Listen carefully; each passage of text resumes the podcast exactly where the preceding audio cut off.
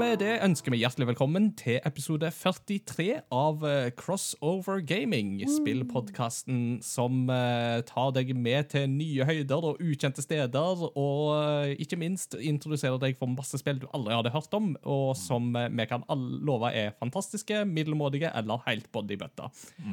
Sånn som spill gjerne er uansett.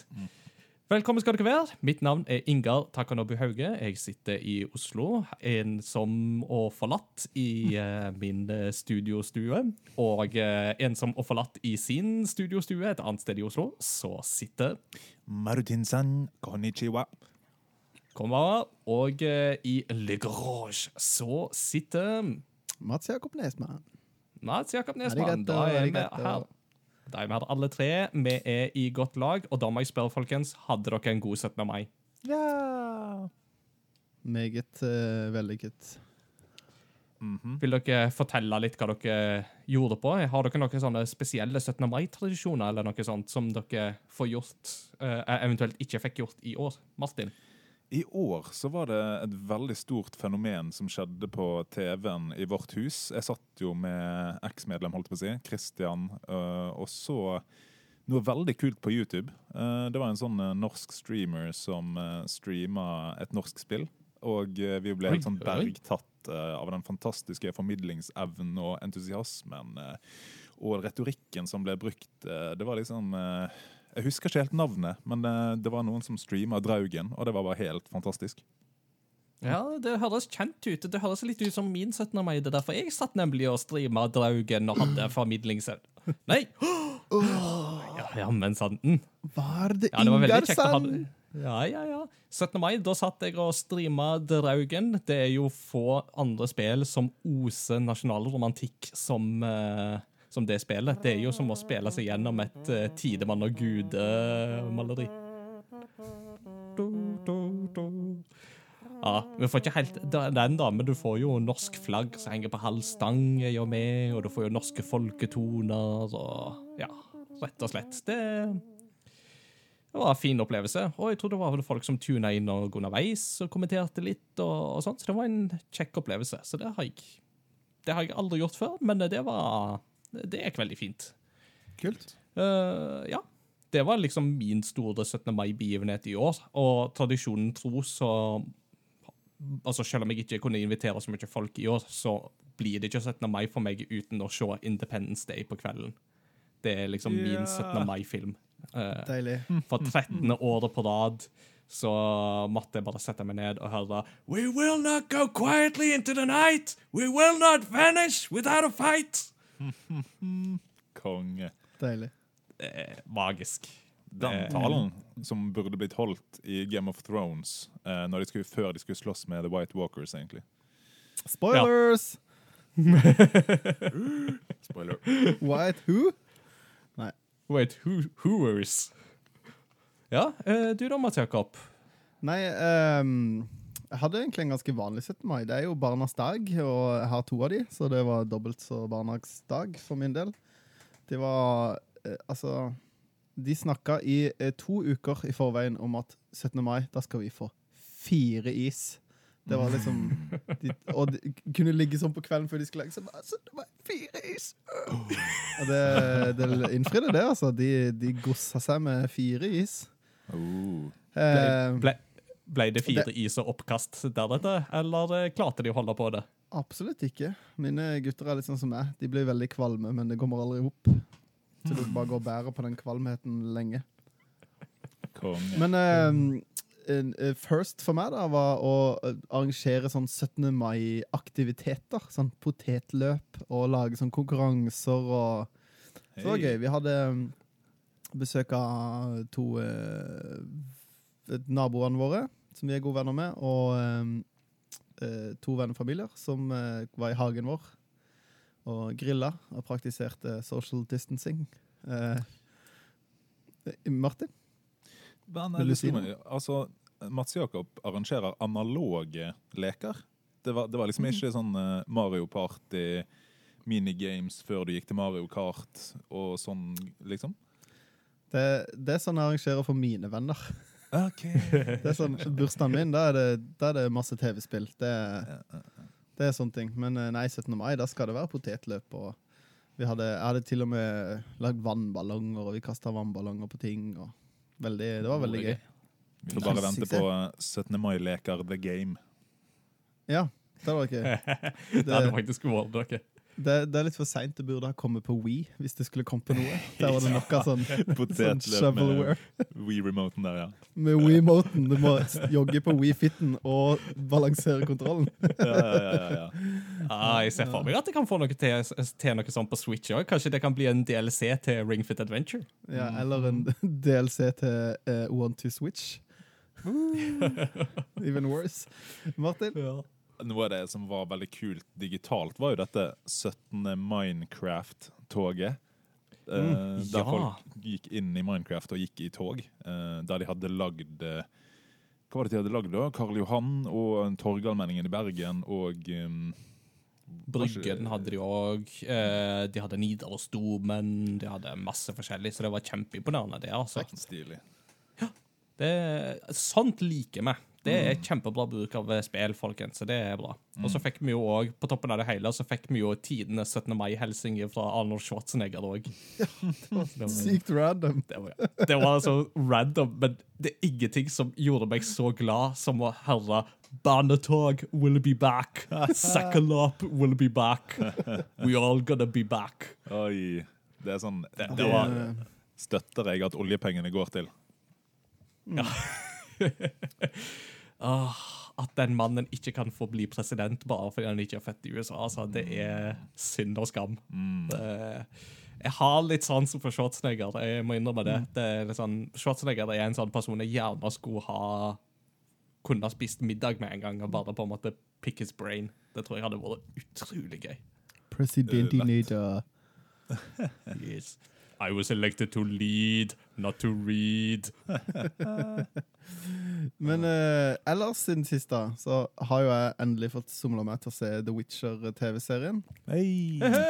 Som eh, også er mitt første møte med The Witcher-universet. For jeg har verken spilt eller lest noe som helst.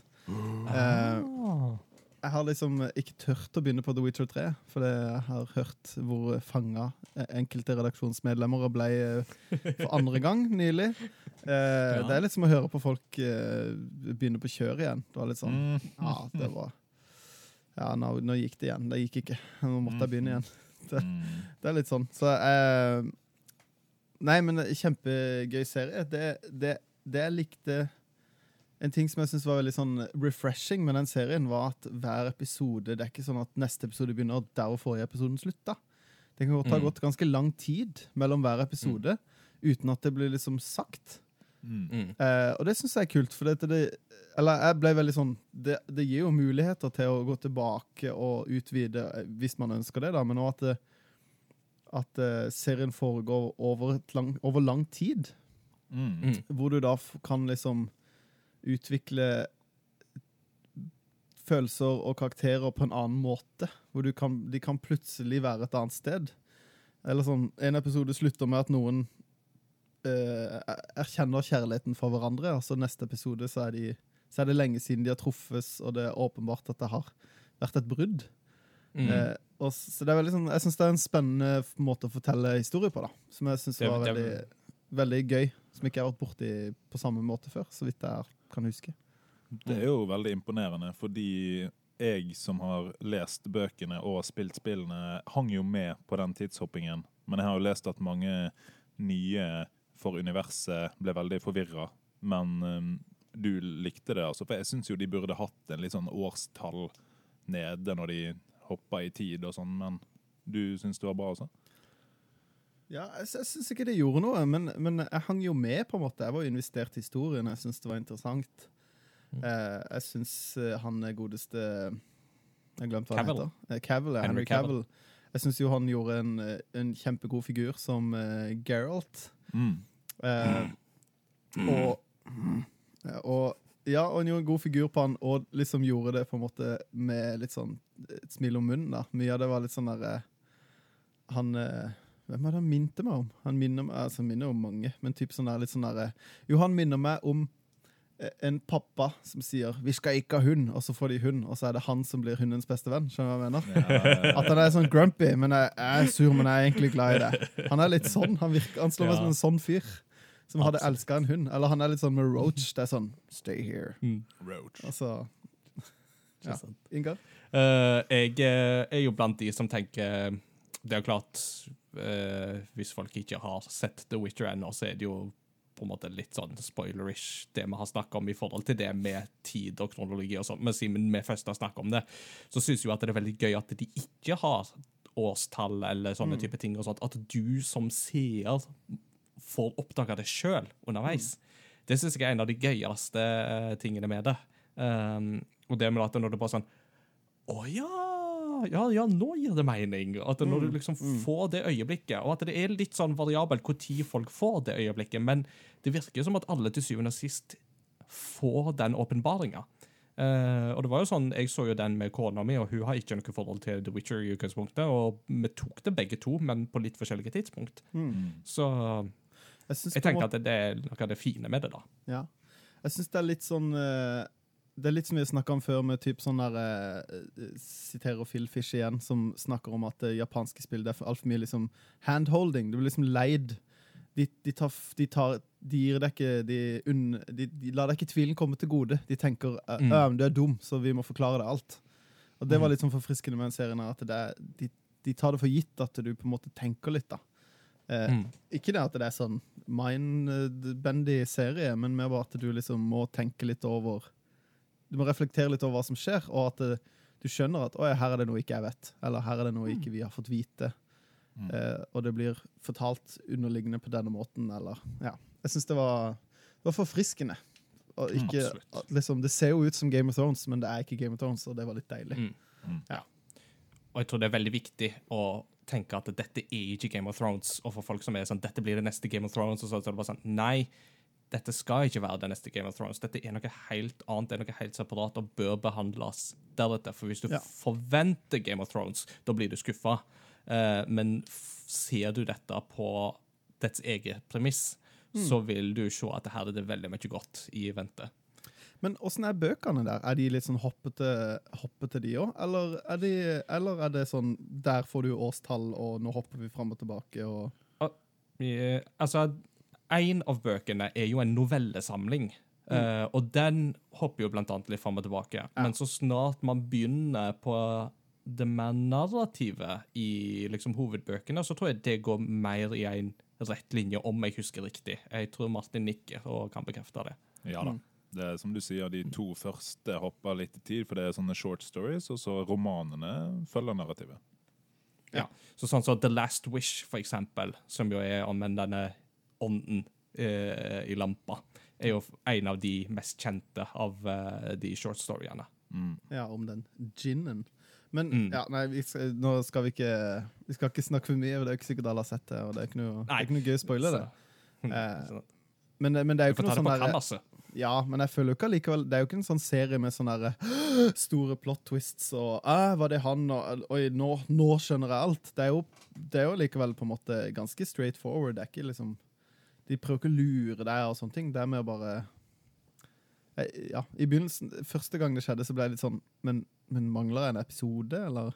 Jeg ble litt sånn jeg, jeg måtte tenke den tanken, da, selv om det virka jo ikke sånn.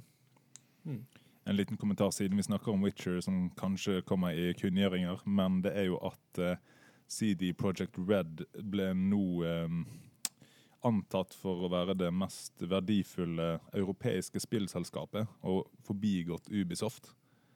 Mm. Det, Det er sjukt. Det er Kan jo- ha litt med serien å gjøre, og, og den populariserte. Det ble jo Steam-rekord etter serien av Witcher 3. Mm. Så, um, og det fyller jo fem år. Ja da, altså. Så- Ja da, og altså, det fikk jo absolutt en boost som følge av serien. Eh, og det er ganske imponerende, for CD Project Red har jo ikke utvikla på langt nær like mange spill som det Ubisoft har, eller eksistert like lenge. Så det Mm. er kjempeimponerende at de faktisk har kommet dit.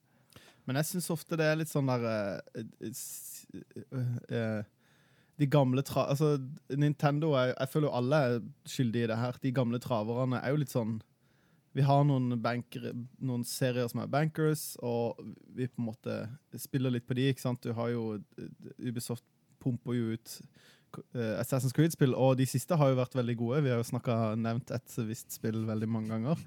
Eh,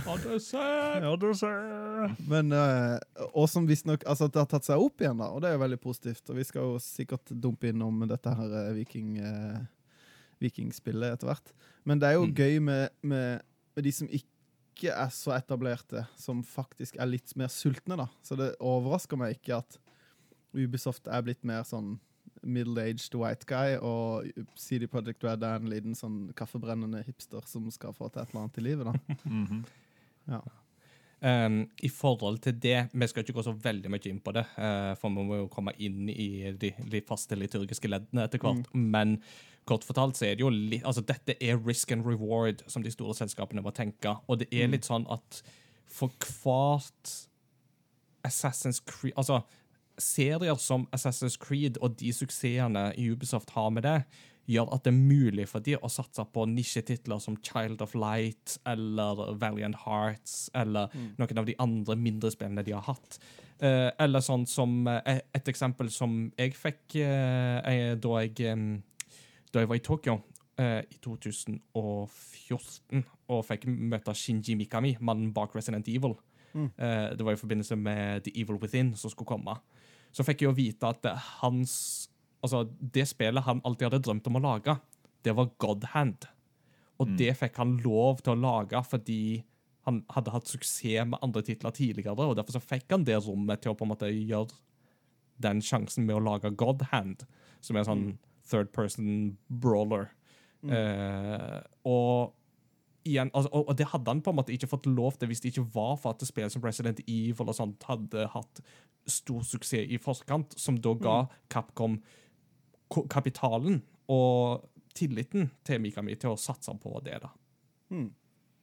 En siste ting om uh, Ubisoft. Må bare si at uh, det er én gullkalv som de ikke har melka nok uh, for min del. Um, og som kanskje kunne gi, gitt de høyere verdi. Men når kom siste Rayman 3D-spill? Og hvorfor er det så lenge siden? Er det noen som vet? Mm. Nei, eller Rayman i det hele tatt. Altså Rayman Legends er jo kjempebra, men det er jo syv år gammelt nå. Så vi kan gjerne få med Rayman, og gjerne Rayman i 3D. Mm. Jeg er helt enig, men eh, de, altså Rayman 2, Createscape, er jo veldig bra. Men Mm. alle de, det er jo veldig mange av de som kommer etterpå. Hoodlum, Havoc og alle de Altså, det er ikke Det er ikke ti av ti spill. Nei. Eh, Person, personlig så venter jeg bare på mer nytt om Beyond Good and Evil 2, jeg. For det har vært stille nå i et par år. Mm. Så det er jeg veldig klar for, for jeg er veldig fan av originalen. Mm. Og kona er kjempefan også av originalen, og hun er bare sånn 'Har vi fått noe mer enn det?' Har vi fått noe mer enn det? Og bare sånn, Nei, jeg skal si fra når vi vet mer. det er liksom det og Overwatch 2 det er de spillene hun gleder seg mest til framover. To be announced er jo dato på de begge. Mm. Ja. Skal vi gå i gang? Mm. Yes.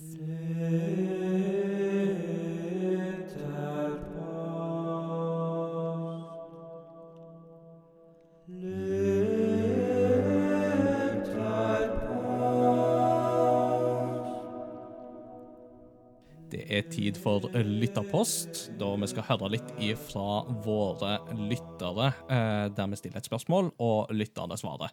Denne gangen så fikk vi lov å bruke et spørsmål som jeg fikk i forrige episode av vår eh, Discord-bruker Godspark.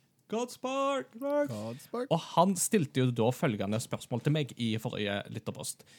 Hvis du kunne plassert hva for en som helst spillfigur i hva som helst annet spillunivers, hvem og hvor ville du valgt? For eksempel da Doomguy i Animal Crossing, eller en Goomba i Dark Souls.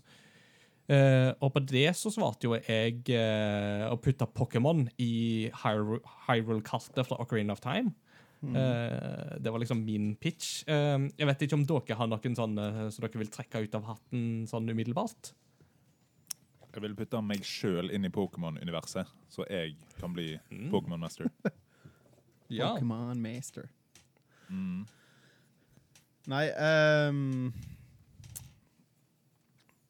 Hva skal jeg si? Nei, eh, det er jo veldig mange som hadde vært gøy interessant å se, men ikke noen som er sånn sykt uh, unike. Men det hadde vært veldig gøy å se uh, et uh, Mario Kart-spill meets Burnout, for eksempel. Hadde vært veldig gøy. Ja, ja, ja, ja. Og hatt sånn der eh, masse krasj med, med Mario Kart-figurer som krasjer i forskjellige ting. Det hadde vært veldig, veldig festlig. Mm. Take me down to the new Dunk City. Nei, Det hadde vært kult. Og så hadde det vært gøy å se ah, Det er jo litt cop-out, men eh, det hadde vært gøy å se liksom mer obskure karakterer som ikke har noe med Nintendo å gjøre i Smash Brothers, for eksempel. Da. Mm. Og se han der fyren fra Splatterhouse med sånn der ski mask og balltre. Eh, eller eh, Ja, sånne ting hadde vært gøy, da. Men vi får jo- mer og mer av det, men mer sånn obskure ting, da. Mm. Folk har jo skreket etter Goku i Dragon Ball i årevis, og de kommer jo aldri til å få det. Men Nei, eh, ikke sant? vi får se. Og Rayman. Ja. Og det er jo en link mellom Absolutt. Ubisoft og Nintendo, så den er nok mm, kanskje sannsynlig. Jeg får håpe. Vi får håpe og tro det. I hvert fall, Da skal vi høre fra våre lyttere. det. jeg tenker at jeg kan gå først, og da kan vi jo begynne med selve mannen, myten og legenden. Ingen ringere enn Åsmunds hjørne. Yeah! Åsmund Solsvik er på ballen og skriver Hadde vært litt festlig med Rayman i Doom, der han slår demoner med handa som han lader opp. Litt mer blodig Rayman der, ja. det jeg, jeg ser absolutt for meg at det kunne blitt en eh, litt sånn festlig liten variant. Det, det hadde vært veldig gøy å høre, høre det der Rayman-språket over rockemusikken i Doom. Ja.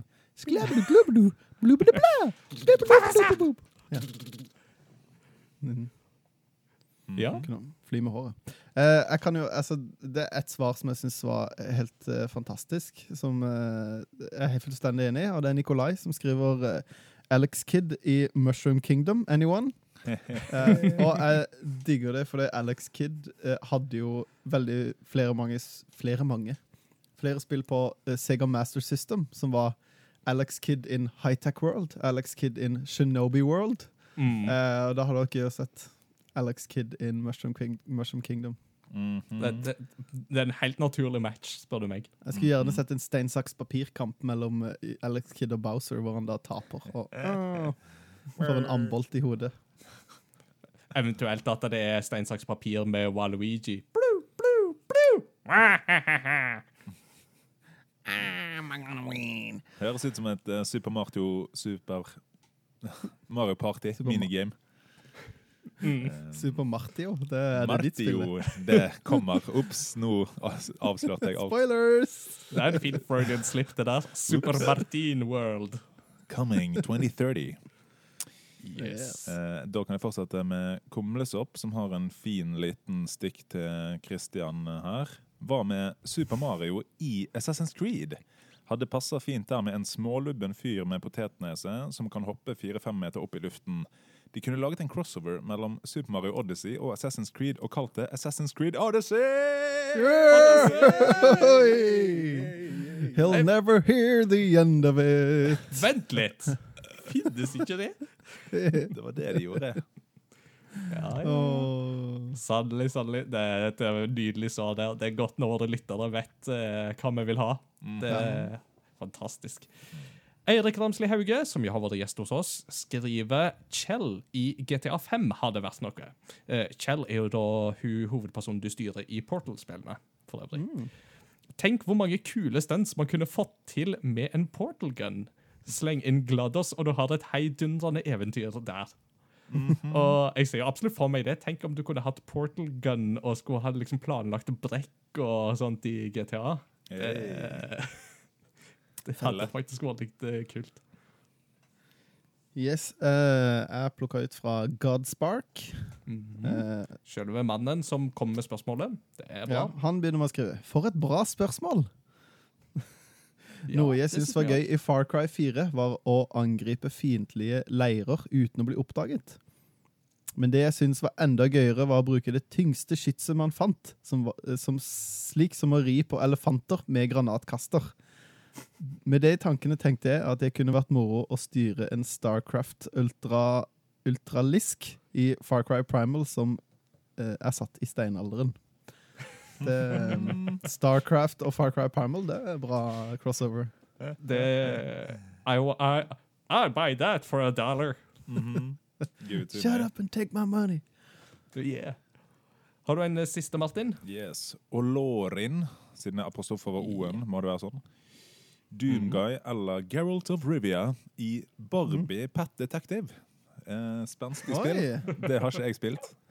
Men eh, jeg fikk umiddelbart eh, en sånn crossover mellom Ace Ventura og Barbie. Så jeg, jeg håper jo det spillet er sånn. En ganske så heftig nedgradering for begge deler. ja. Da er kongen Bar Barbie som finner en valp og bare All righty then. Then. Take care now, bye, take care now, bye bye then. Å, fantastisk. Uh, ja, jeg er helt enig. Give it to me. Absolutt. Nei, kjempemange gode svar fra lytterne våre der, som vanlig. Husk at eh, du òg kan eh, skrive dine svar på våre lytterposter, enten på Facebook eller på, i vår Discord-server. Eh, og vi leser alt, selv om vi ikke leser alle høyt i episodene, og setter kjempepris på alle tilbakemeldingene som dere kommer med i lytterposten, og generelt. Så keep on keeping on.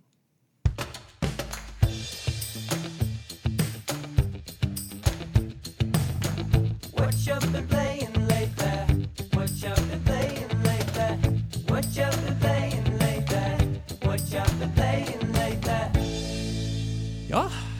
blir det tid til noe spill midt oppi 17. mai og The Witcher og alt sånt, gutter? Eller hvordan, eh, hvordan ligger det an? Jeg har spilt eh, mer på the Tasmanian Tiger, HD. Mm. Det er fremdeles gøy. Uh, fremdeles uh, ikke for alle, tror jeg. Uh, Iallfall hvis du ikke er vant til den typen Eller den æraen, æraen med spill. For det, det er litt sånn Jeg spilte nettopp et, gjennom en bane som jeg hadde grua meg litt til, for jeg huska at jeg syntes den var litt tung. Så nå har jeg spilt den, og det er jo litt sånn Jeg er jo veldig sånn når jeg spiller Collectathon-spill, at jeg kan ikke gå før jeg har Jeg kan ikke gå fra et brett før jeg har gjort alle funnet alle eggene, som det heter. eh, Det er stjernene, jiggisene. Eh, eller finne alle Du skal jo samle 300 sånn orbs i hver bane. Mm. Mm. Eh, og det er jo litt sånn I det, den banen er det litt tungt. Det er mye opp på fjell og ned under vann. Og det er en litt for stor bane Mm. til å være, så- ha så få oppdrag. Det burde vært flere oppdrag i den banen. da. Ja. Eh, ellers er det, det er veldig gøy. Og hvis du er nysgjerrig på australsk voice acting, fullt australsk voice actor-spill, så er det absolutt verdt å sjekke ut. Det er, det er jo ikke dyrt heller. Nei.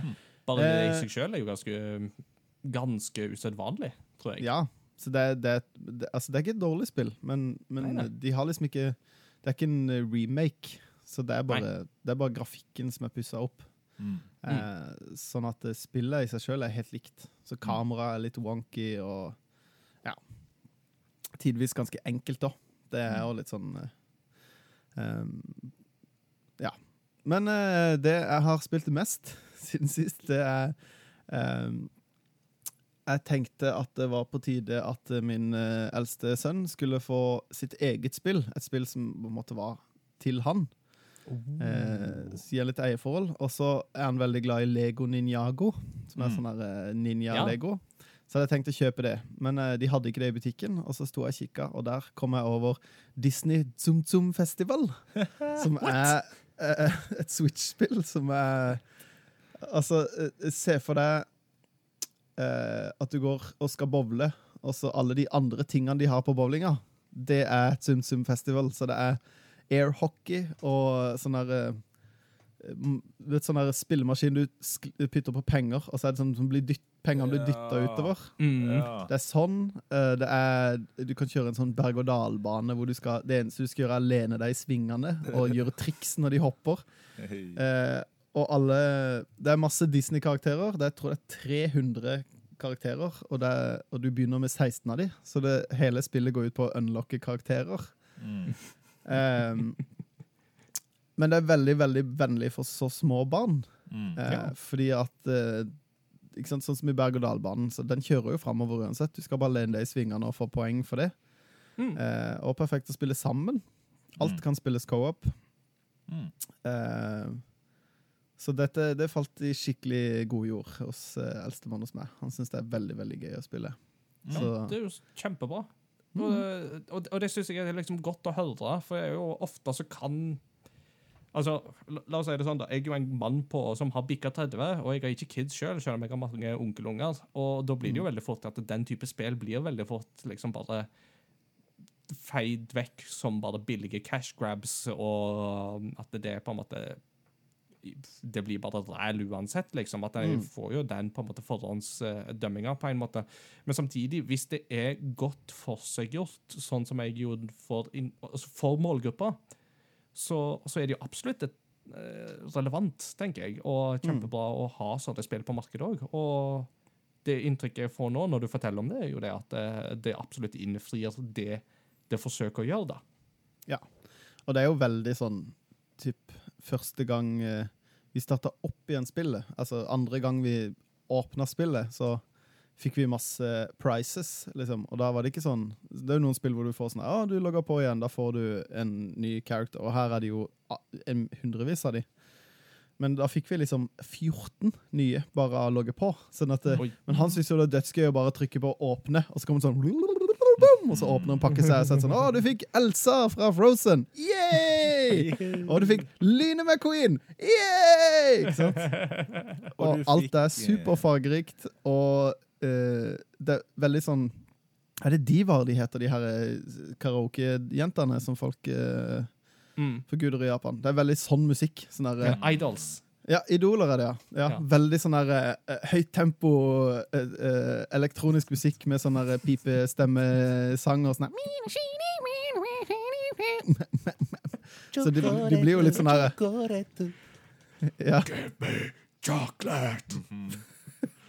Så du får eh, Du blir veldig sånn gira av å spille det. på en måte. Det er veldig sånn fargerikt og gøy og full fart, på en måte. Mm. Så det, ja, det, som du sier, det er sånne spill jeg ville jo aldri kjøpt det hvis ikke jeg hadde en fireåring. på en måte. Mm. Men har du en Eh, fireåring, go for it. Oh yes. Og så koster yeah. det bare 100 kroner. Så det er ikke Wow. ofte du får et Switch-spill for 100 kroner. Eh, og jeg tenker For en fireåring så må det jo være litt verdi i å få et spill fysisk. Mm. Uh, var det fysisk du kjøpte det, eller var det digitalt? Absolutt. Hvis ikke så tror jeg jeg hadde kjøpt det Lego-spillet. Men jeg Ja. vil jo helst Ting jeg kan for fysisk, kjøper jeg fysisk. Mm. Men jeg tenkte jo, når du sa at uh, du skulle kjøpe Ninjago og ikke fant det, så tenkte jeg at da gikk du for et alternativt ninjaspill, og da var min første assosiasjon var Mini-ninjas. Jeg vet ikke om du noen gang var borti det? Nei, ikke i det hele tatt. Nei, det var forrige kontrollgenerasjon, da, med på PS3 og Wii og sånt, men det var IO Interactive, de som har laga Hitman-spillene.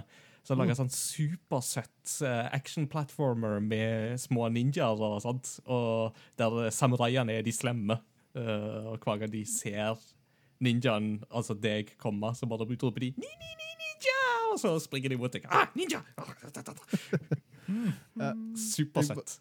Jeg må skyte inn til Inge Martin. Ja, bare se for meg dette Disney-spillet, så begynner du med å få de kuleste karakterene. Hercules, og så liksom eh, På de hundre siste så er det sånn Lysestaken fra 'Skjønnheten og udyret', yay! Og så får du svigermoren til Elsa i Frozen. Eller Elsa Lamere og lamere karakterer, liksom. Hæ? Er Elsa gift? Nei, Ja. så Nei, men uh, det som er litt festlig, er at alle karakterene Jeg vet ikke om dere altså De som har barn, har sikkert sett det. her, Spesielt de som har jenter. Men det er sånne små bamser med sånne kjempestore øyne som ser ut som sånne beanie babies. Sånne Mm. små eh, eh, Alle ser sånn ut. Mm. Så det er ikke liksom, Ja. det er ikke Lyn McQueen, det er Lyn McQueen som en sånn bitte liten bamse. Eh, Ja, ja, ja, ja, ja. Stemmer. Alle ser ut som en tøffel. En sånn barnetøffel.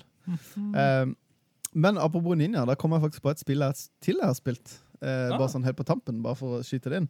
Men eh, eh, ganske tidlig i, eh, i når eh, denne k- krisa, pandemien, eh, traff oss, så eh, ga eh, Agens bort to spill gratis. mm. Oh, Og det ene på mobil, og det ene heter Ninja Twins.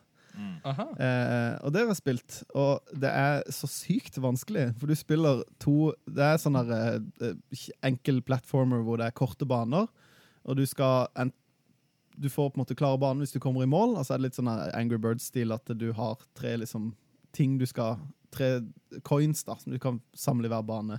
Mm. Så klarer du på en måte 100 av du banen hvis du får tre coins og kommer i mål. Det som er gimmicken her, er at du spiller to ninjaer som løper, og du hopper individuelt med de på hver sin side av skjermen. Så du må faktisk okay. spille banen samtidig med to stykker som løper ak samme avstand fra hverandre hele tida. Mm. Wow. Men du må liksom simultanspille to stykker på én gang. Oi, Og det er, er eh, supervanskelig. Det, er- det er rett og slett Brothers, uh, Brothers A Tale of Two Sons på speed. Ja, det er, men det er, ja, det er helt sinnssykt. Og det er sånn, Jeg tror jeg har klart fire baner, men jeg har sp sikkert spilt tre-fire timer. For det er så vanskelig å få de coinsene. For dette du, det er jo kjempelett. Se for deg Super Mario Run. Mm. Mm. Eh, bare at du spiller med to Super Marioer. Mm. Og når den ene dør, så dør begge. Mm. Eh, og det er en annen ting som er veldig festlig med det spillet, er når du dør, så kaster du Ikke, ikke katanaen, men den korte, veit jeg den. Wakizashi. De har alltid en lang og en kort. eh, Kunai. Ja, Wakizashi er den eh, korte. Men kunai er disse små knivene. Ja, men uh, de, han kaster den korte når han Mm. dør. Og da er det sånn Kommer an på hvordan du, hvor på en måte du er i banen, men noen ganger så treffer den han andre. Og noen ganger så treffer han rett bak, og så står den andre sånn. Så, så det, er- det er gøy med sånne gode detaljer, da. Men eh, det var kult. De ga bort det, og så et Bukkene Brus-spill som jeg ikke har testa, som jeg tenkte kanskje var noe for mine små. Men eh, jeg har ikke fått testa den. Jeg tror det er mer sånn fortelling og spill i ett. Jeg ser for meg at Så du må liksom eh, spise mest mulig fast food for å bli feitest mulig. Kanskje. Det kan godt hende. Mm. Rett og slett. Mm. Supert. Martin, eh, hvordan eh, er dine spilldager? Jo, jeg har jo begynt på jobb igjen, for real. Eh, så Ja. mindre og mindre spilletid. Um, og så er det en sånn periode der jeg har ikke så mange spill jeg er keen på å spille. Det er mer at jeg gleder meg til kule spill som kommer. Så det, Mm. da er det de samme gamle, i fare for å få en Odyssey-stempel med Heartstone her. Så eh, eh, Men Heartstone de er flinke til å oppdatere, og de har jo sånn nerf og buff balance. Så de har hatt tre stykker siden forrige episode, liksom. Ja. Um, og så er det Football Manager, der jeg har fått eh, Sunderland opp til Premier League. Så eh, Hei! hei, hei! det som er litt farlig, er at apropos jobb, så har jeg jo liksom Hvilke spill kan jeg ha på jobb-PC-en, liksom? Så var det sånn uh, Blizzard Client. Nei, kan ikke spille Heartstone på den. Uh, men jeg fant ut uh, i forgårs at Steam går bra. Så oh. der er Football Manager, så det kan gå hardt utover elevene. Men uh, det skal bare brukes eh, forsiktig, jeg lover. Famous last words. Men det, altså, Bruk det for educational purposes her, tenker jeg. ikke sant? Altså, det er lite som forbereder de på voksenlivet, som det å faktisk måtte ta et manageransvar. Altså, Yes. Tenk deg de lederevnene Mhm. disse kidsa vil få. Hvis du tar de med på den reisen på å heve Sunderland opp til toppen av Premier League. Hæ? Mhm. Det- mm. Men angå- angående Heartstone, så lurer jeg på hvem spiller du mest som? Du, jeg har uh, alltid hatt et hjerte til Warlock. Uh, for de har en hero power som gjør at du får kort. Og det Mm. verste i Heartstone er å gå tom for kort. Resources. Så som Warlock så gjør du veldig sjelden det, da. Så jeg er en Warlock. Warlock. Er det Guldan? Yes. Som er Gul'dan. Guldan! Så nå er det jo typisk at Warlock er ikke så kraftig i metaen, da. Så da um, Mm. har jeg jo spilt mer Demon Hunter med Illidan. Mm. Og um, prøvd litt forskjellig Hunter og sånn. Så det er gøy å prøve litt nye ting òg. Ja. Cool. Cool, cool, cool. Mm. Cool ikke så verst, det. Ja. Eh, da er det um, kanskje min tur, da? Eller hadde du noe mer å spytte inn? Nei, det er derfor Nei. vi er, vi er veldig heldige som har deg, Ingar. Og får litt sånn nye impulser til eh, lytterne. Jeg skal bli bedre. I promise. Ja, men det, det, det, det er godt at vi har liksom alt dette her. Og det er jo noe i det som du sier, at akkurat nå så er det litt stille. Altså etter at det på en måte mai kicka inn for fullt, så hadde det liksom vært litt stille og rolig. Og for min del òg, så er det liksom Xenoblade Chronicles Definitive Edition er liksom den neste store. Det kommer jo 29. Det er veldig Nei. bra. Så det lover veldig godt, det jeg har sett så langt der. altså. Og så etter det så er det jo liksom The Last of Us Part 2 som blir liksom den neste store tingen igjen. Men det er liksom sånn rent utenom det, så er det litt stille og rolig igjen akkurat nå. Det har liksom Etter mars-april så gikk det jo litt opp, og så nå er det litt ned igjen. Mm. Men øh, det er jo en gyllen anledning til å ta igjen øh, litt øh, forskjellige ting, spill her og der. Så jeg har spilt ferdig Pokémon Shield. Det vil si, jeg har slått The Champion og liksom begynt litt på The Endgame. Mm. Jeg har ikke fanga Zamazenta ennå, men det er vel bare et spørsmål om tid før jeg får eventuelt gjort det. Mm. Og jeg må si at Pokémon Shield det, det, Altså, vi sa jo i fellesskap at det skulle være vårt årets spill for Crossover Gaming i fjor. Og jeg må si at jeg syns ikke nødvendigvis at det var et dumt valg, det. altså. Det er et veldig allsidig tilgjengelig spill som har liksom akkurat nok nytt med Pokémon-formelen til at det føles friskt, samtidig som at det, er, det føles veldig som Pokémon òg. Mm. Og jeg må si at det er noe av det jeg kanskje liker best med Pokémon Shield, er at det, altså Galler som region syns jeg er veldig gøy. Mm. Mm. Eh, det er en veldig gøyal region med på en måte Altså, bare når du kommer til liksom, byen der mesterskapet skal finne sted, det er jo Winden, og det er jo først når du liksom entrer byen at å ja, selvsagt, det er jo London. Her har du klokketårn, og du har liksom et stort pariserhjul, og det er veldig på en måte London, ikke sant? Mm. Uh, men det er liksom alt med liksom arkitekturen og folka og musikken og Pokémon-designet uh, er liksom Det føles veldig som en sånn Pokémons England, da. Eh, og jeg liker det veldig godt. Um, jeg liker òg at uh, bad guysa, eller dette team, teamet eh, som du liksom av og til må kjempe mot. Altså Først har det jo vært Team Rocket, Team Omega og disse her. Her så er jo det basically bare hooligans som er veldig fan av hun ene som er i dette mesterskapet, altså i denne turneringa sammen med deg. Yes. Så, så det er basically bare veldig ihuga fans. Og jeg synes Ja. det, det er sånn Ja, de trenger ikke alltid være på en måte megalomanske despoter som ønsker verdensherredømme. Av og til så er det bare hooligans som mm. Ja, så jeg synes det er litt festlig, da. Og så syns jeg òg det er veldig veldig gøy det, hvordan de har gjort på en måte Pokémon-kamper til en skikkelig idrett i Pokémon ja. Sword and Shield. At du er på disse stadionene med drakter, og så er det basically fotballstadioner og publikum som bare Og det er jo veldig imponerende at for hver kamp mot en eller annen noob trener, så har de alltid fulle stadioner som ser på disse kampene. Det er skikkelig kult. En ting som jeg skulle ønske de på en måte utdypa mer i det spillet, da, eller eh, hva skal jeg kalle det for noe? Uh, eh, missed potential. Eh, de, de snakker om og nevner at det er liksom minor leagues i, i disse her greiene. Og det hadde vært veldig gøy å hatt, ikke football manager, men å hatt litt sånn derre eh, Ikke bare at du liksom går på liksom rundt på de jord... Fieldsene og fanger Pokémon og leveler på den måten, da, men at det faktisk var en mer sånn der eh, full idrettsstruktur, da. At du faktisk må eh, må spille en league og gå opp, og du starter i tredjedivisjon og eh, sånne ting, da. Eller at det var liksom muligheten for å bli med der og begynne sånn. At ikke du liksom er eh, Eller sånn der, jeg skjønner Helt Pokémon er jo bygd rundt den der du er han unge eller han eller hun, det unge talentet da, som plutselig bare blir dødsbra fort god, men du får liksom aldri den derre Du får liksom aldri den der voldsomme følelsen av Du jobber deg ikke så oppover, annet enn liksom ute i åkeren til naboen, og så plutselig så er du the champion, på en måte. Det hadde vært eh, interessant å se, men Ja.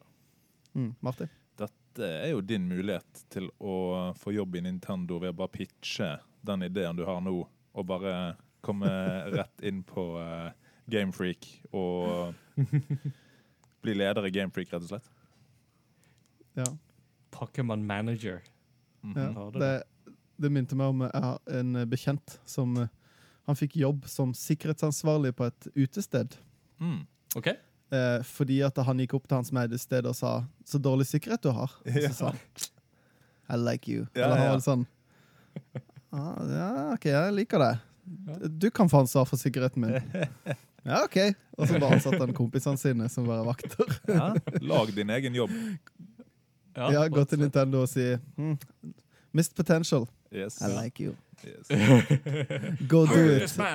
Selveste Bowser in the high castle der. Doug Bowser, Ah, ja. det er jo I Seinfeld så er det jo en episode der George eh, har, skal, Han skal alltid si det motsatte. Han, gjør, han skal alltid gjøre det motsatte av det han alltid ellers ville gjort. Og Normalt så ville han ikke liksom gått opp til Steinbrenner i New York Yankees og kritisert for alt det dårlige Yankees gjør, men i denne episoden så gjør jo han det.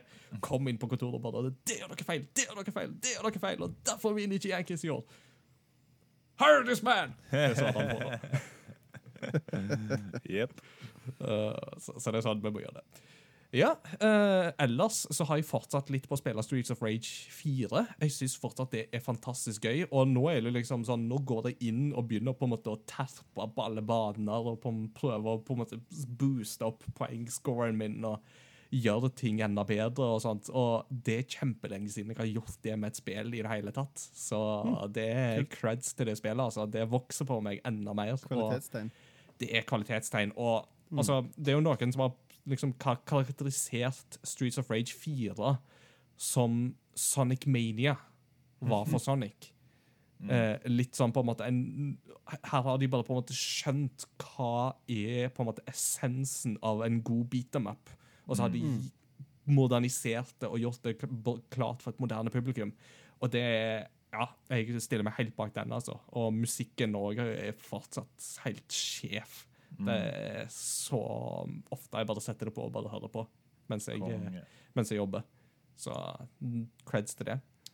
Kult. Videre uh, Animal Crossing skal jeg ikke snakke så mye om. Det er liksom stort sett det samme gamle. Skyward Sword uh, spiller jeg jo uh, i forbindelse med retrospill-lauget. Og nå har jeg fått skikkelig blod på tann, så nå har jeg bare begynt å bare på en måte spille og spille og spille, spille videre. Mm. I går tok jeg The Pirate Ship. Ah, Da har du kommet lenger enn meg. og det som gjør det så gøy der, er jo det at mellombossen der er jo gøyere enn hovedbossen. Hmm. Åh, er, det han, er det han du fekter på eh, helt på tuppen? der, som du Langgangen, skal ja. Få, ja. Mm, Jeg liker det hadde Sjørøverkapteinen. rett og slett. Ja. Og det, det, det, det er så kult, fordi at eh, First for Figures det er jo et selskap som lager mange gode figurer altså sånne, til å Mm. på en måte stille ut og sånt relatert til spill. Jeg har flere figurer av de. En av de største pisene de har, er Link som slåss imot en kapteinen der. Ah, fett. Og det sier jo litt om på, på en måte hvor bra den fighten er, liksom sånn, mens hovedbossen er liksom bare veldig, veldig sånn Veldig generisk tentakelmonster. Så er det sånn Å ja, det er den, ja. ja. ja, ikke sant? Det er den, ja.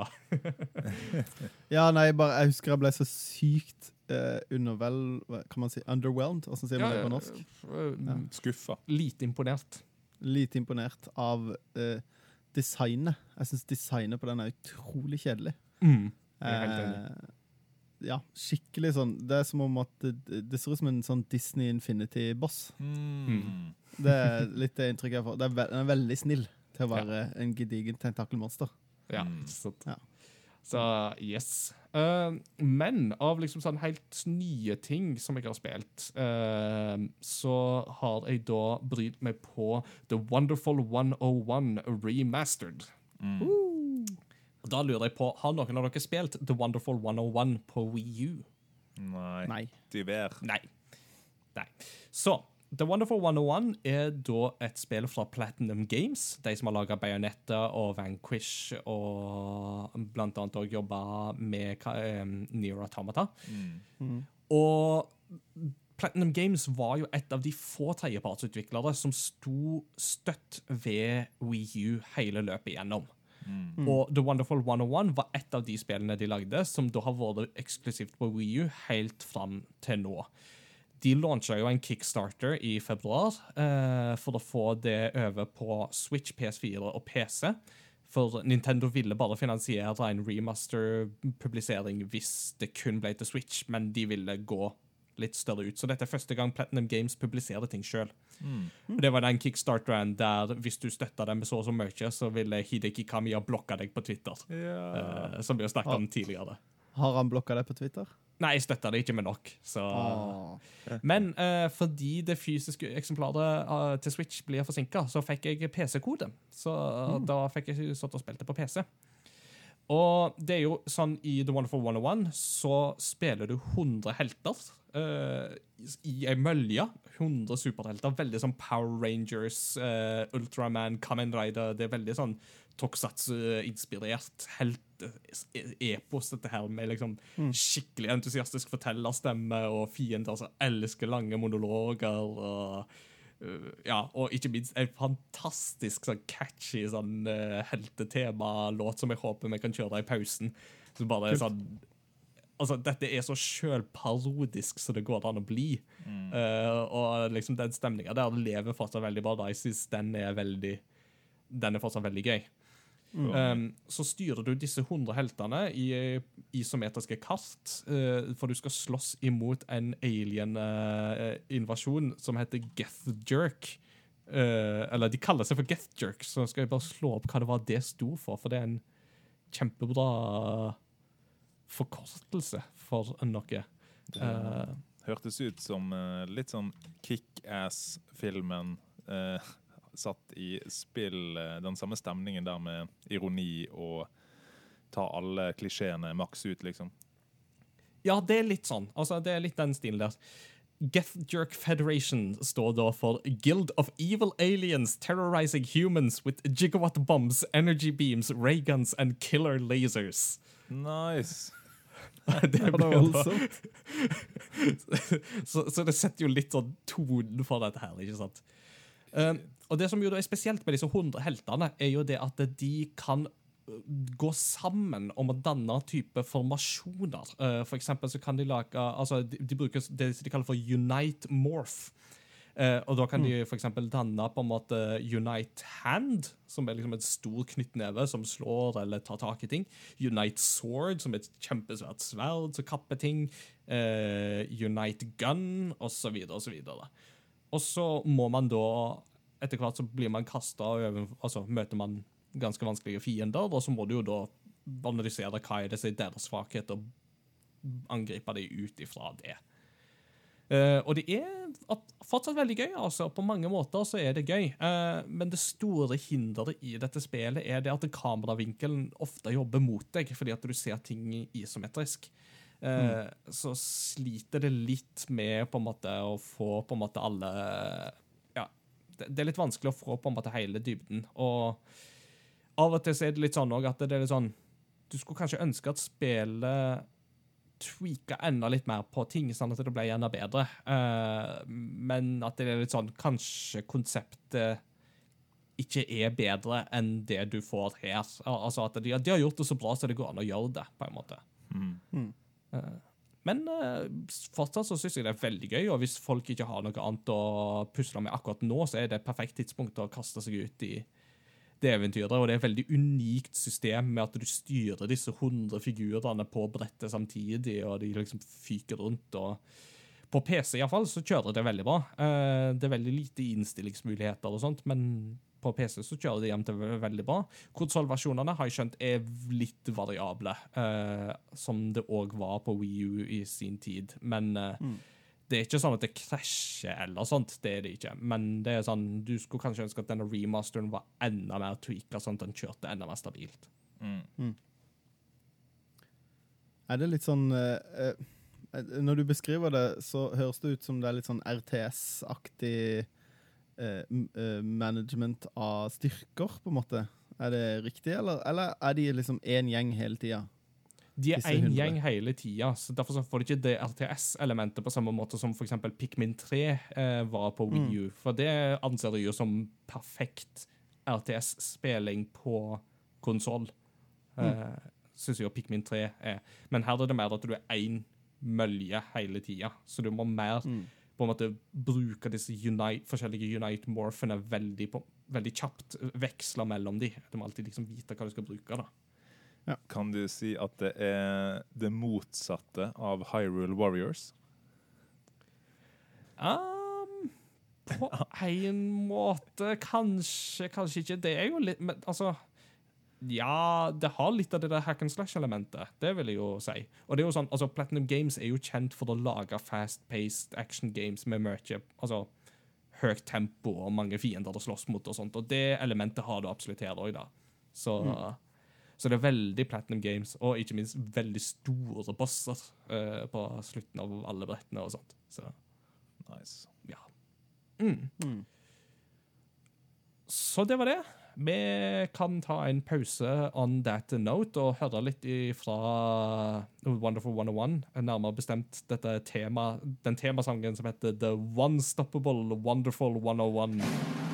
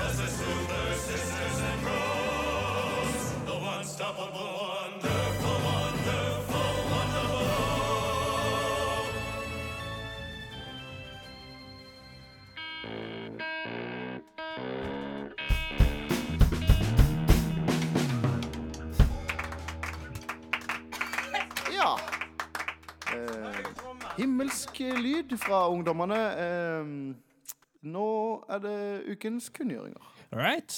Da er vi klare for eh, litt kunngjøringer. Um, da kan vi jo begynne med lokalnyheter. Da kan vi begynne med Assassin's Creed Valhalla. Eh, det er jo et spennende prosjekt som jeg tror mange gleder seg til, og ikke minst å få litt sånn norske impulser. Og på musikkfronten så blir det litt eh, norske impulser der. For eh, i tillegg til at eh, Jesper Kyd, som jo er han danske komponisten som har komponert musikk tidligere i Assassin's Creed, annet til Assassin's Creed 2, så skal òg nordmannen Einar Selvig eh, være med og komponere musikk. Han er annet kjent for å ha bidratt til musikken i Vikings. Eller Vikings. Det er en V og ikke en W, så det er Vikings. Så det er jo litt kult. at, uh, Og så er det en norsk stemmeskuespiller òg som skal være litt med. Visstnok ikke som hovedperson, men uh, han har sagt litt sånn at uh, du kommer ikke til å slippe unna meg. Du kommer til å høre meg. Så det er Ja, ja, veldig ja. kult. Det er veldig kult, for han eh, Einar Selvik er jo sånn en metal-musiker. Men så har han et Ja. sånn nor norsk folkemusikkprosjekt som de mm. Sjekka ut eh, i Assassin's Creed, og fant han via det. Så det var veldig kult. Nice. Har ikke han et sånt stage-navn som er sånn Kvitrafn, eller noe sånt? Er jo veldig i den duren. Mm. Eller Mollen. Det høres veldig metal ut. Ja. Hva med kirketoneart, da? Mm. Og kanskje ikke så mye av det ennå i Assassin's Creed Valhalla. Det er vel før kristninga, tror jeg. Så Let's see. det blir litt spennende å se om de um, Ja, det blir jo veldig spennende, den peri um, historiske perioden det satt til. Mm. Så. Norge! Um, Norge. Og så um, en ting som har blitt annonsert siden sist gang, som jeg tror noen av oss og våre lyttere er litt keen på, er Tony Hawk Pro Skater 1 og 2 Remaster. Som jo faktisk eh, er annonsert og kommer. Uh, en gøyal ting der er at hvis du bestiller Collectors Edition, så får du faktisk med et fysisk skateboard. Nærmere bestemt et Birdhouse Falcon 2 skateboard. Uten at det sier meg noen ting. Det er det, det, det skateboardet Tony Hawk har, som er sånn der uh, skjelettet av en, uh, en falk, er det ikke det? Sånn, Jo, det er ja, jeg tror det. sant. Veldig Ja. kjent brett. Mm. Mange av de originale låtene kommer jo tilbake. Vi får ikke absolutt alle. Det er et dusin låter så ish, som eh, jeg har ei liste på. Som, eh, det er ca. et dusin låter som ikke kommer til å være med, men mesteparten kommer til å være med likevel. Så det er jo veldig kult, for uten musikken så blir det jo ikke Tony Hawk 1 og 2. Det er så Nei. viktig. Det er så viktig. Det, det jeg leste litt om det, det For en gangs skyld er det jo et spill i nyhetene som jeg har uh, satt meg ned og lest litt om og vært litt hypa på. Wow! jeg, jeg elsker jo Tony Hawk-spillerne. Mm. Uh, men uh, det som er kult, er at de, det er ikke bare en ren remaster. Det, er ikke, det blir ikke akkurat det samme. De tar med de tar med på en måte hva skal jeg si, framskrittene fra de Mm. senere spillene. Sånn at eh, i Tony Hawk 1, for eksempel, opprinnelig så kunne du ikke gjøre manual, altså kjøre på to hjul, Mm. eh, som gjør at du kan sette sammen komboene dine. Eh, det kom først i Tony Hawk 2, men det kan du da gjøre nå i Tony Hawk 1. Sånn at styringa vil ligne mer på heldigvis ikke Tony Hawk 5, men eh, mer sånn som de på en måte siste Tony Hawk-spillene ble, da. Ja. Eh, og det blir veldig kult. Men det, det som er litt digg med at det er bare musikk som mangler, er jo at det er jo veldig lett å fikse sjøl. Det er jo bare å sette på den låta på Spotify og så skru ned spillelyden. Eller hvis du virkelig må ha Jeg husker ikke hvilke sanger det var, men det er noen sanger. Men eh, Det um, inkluderer blant annet um, Altså, jeg kan jo lese opp noen av låtene. Uh, Vilified, uh, Screamer, Nothing to Me, Psychovision, Committed, Ain't Got Time to Waste, The Hot, Blue Thunder, Bring the Noise, B-Boy Document 99, Out with the Old og City Star er de som mangler.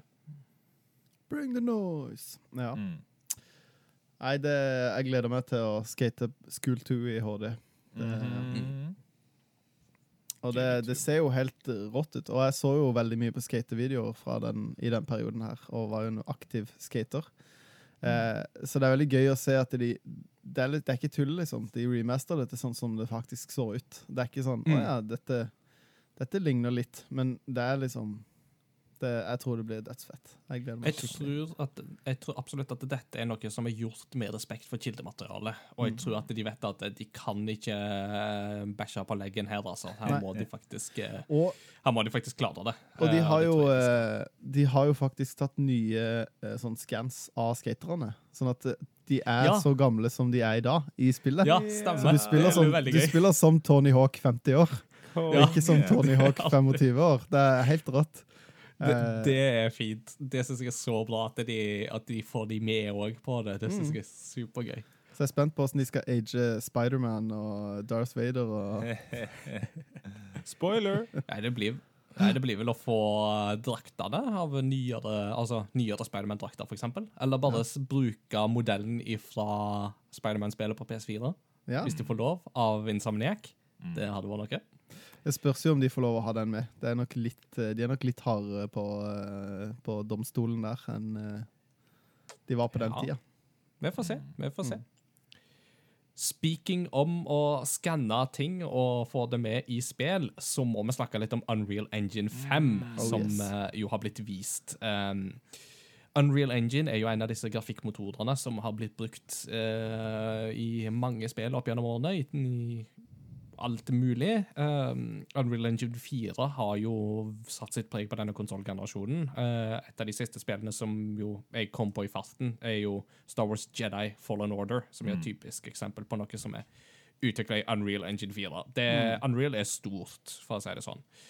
Nå har de vist fram Unreal Engine 5 i en sånn eh, tech-demo som ser helt hinsides bra ut. Og dette Nå snakker vi next gen. Ja. Uh, på denne inside Xbox så var det veldig lite gameplay som vi fikk se, som liksom var sånn veldig sånn wow, dette er next gen, liksom, og sånt. Men dette er ting som virkelig viser next gen. Kort fortalt så bruker Unreal Engine 5 to mm, ting som gjør dette veldig spesielt. Det ene er Lumen-systemet, som er et lyssettingssystem som de da bruker, som er på en måte real life uh, lyssetting, med at du, du på en måte ja, altså Lys reflekteres i tråd med lyskilden. Eh, Så samme hvor lyskilden kommer fra, så vil lysrefleksjonen tilsvare deretter. Så det er jo Vi har jo allerede sett eksempler på sånne type ting med raytracing, men Lumen-systemet vil da på en måte gjøre dette enda mer fleksibelt og enda mer levende lys. Uh, og det andre er jo det som de kaller for nanite, som kort fortalt innebærer at de kan skanne inn fotomodeller uh, og benytte de langt Altså mye mer på en måte umiddelbart enn det man kan i dag. For nå er det jo gjerne sånn at du kan lage en, high, altså en en høytekstursmodell som er på en måte skikkelig detaljert, og sånt, men så skal den brukes mange ganger, og da må du på en måte komprimere den, og så må du gå litt sånn fram og tilbake mellom på en måte eh, komprimering og høy oppløsning, komprimering, høy oppløsning, eh, til du får på en måte noe som ser bra ut, men som kanskje ikke er like høyrealistisk som det du vet at det kunne, kunne vært. da. Men det vil da Unreal Engine 5 gjøre vesentlig lettere.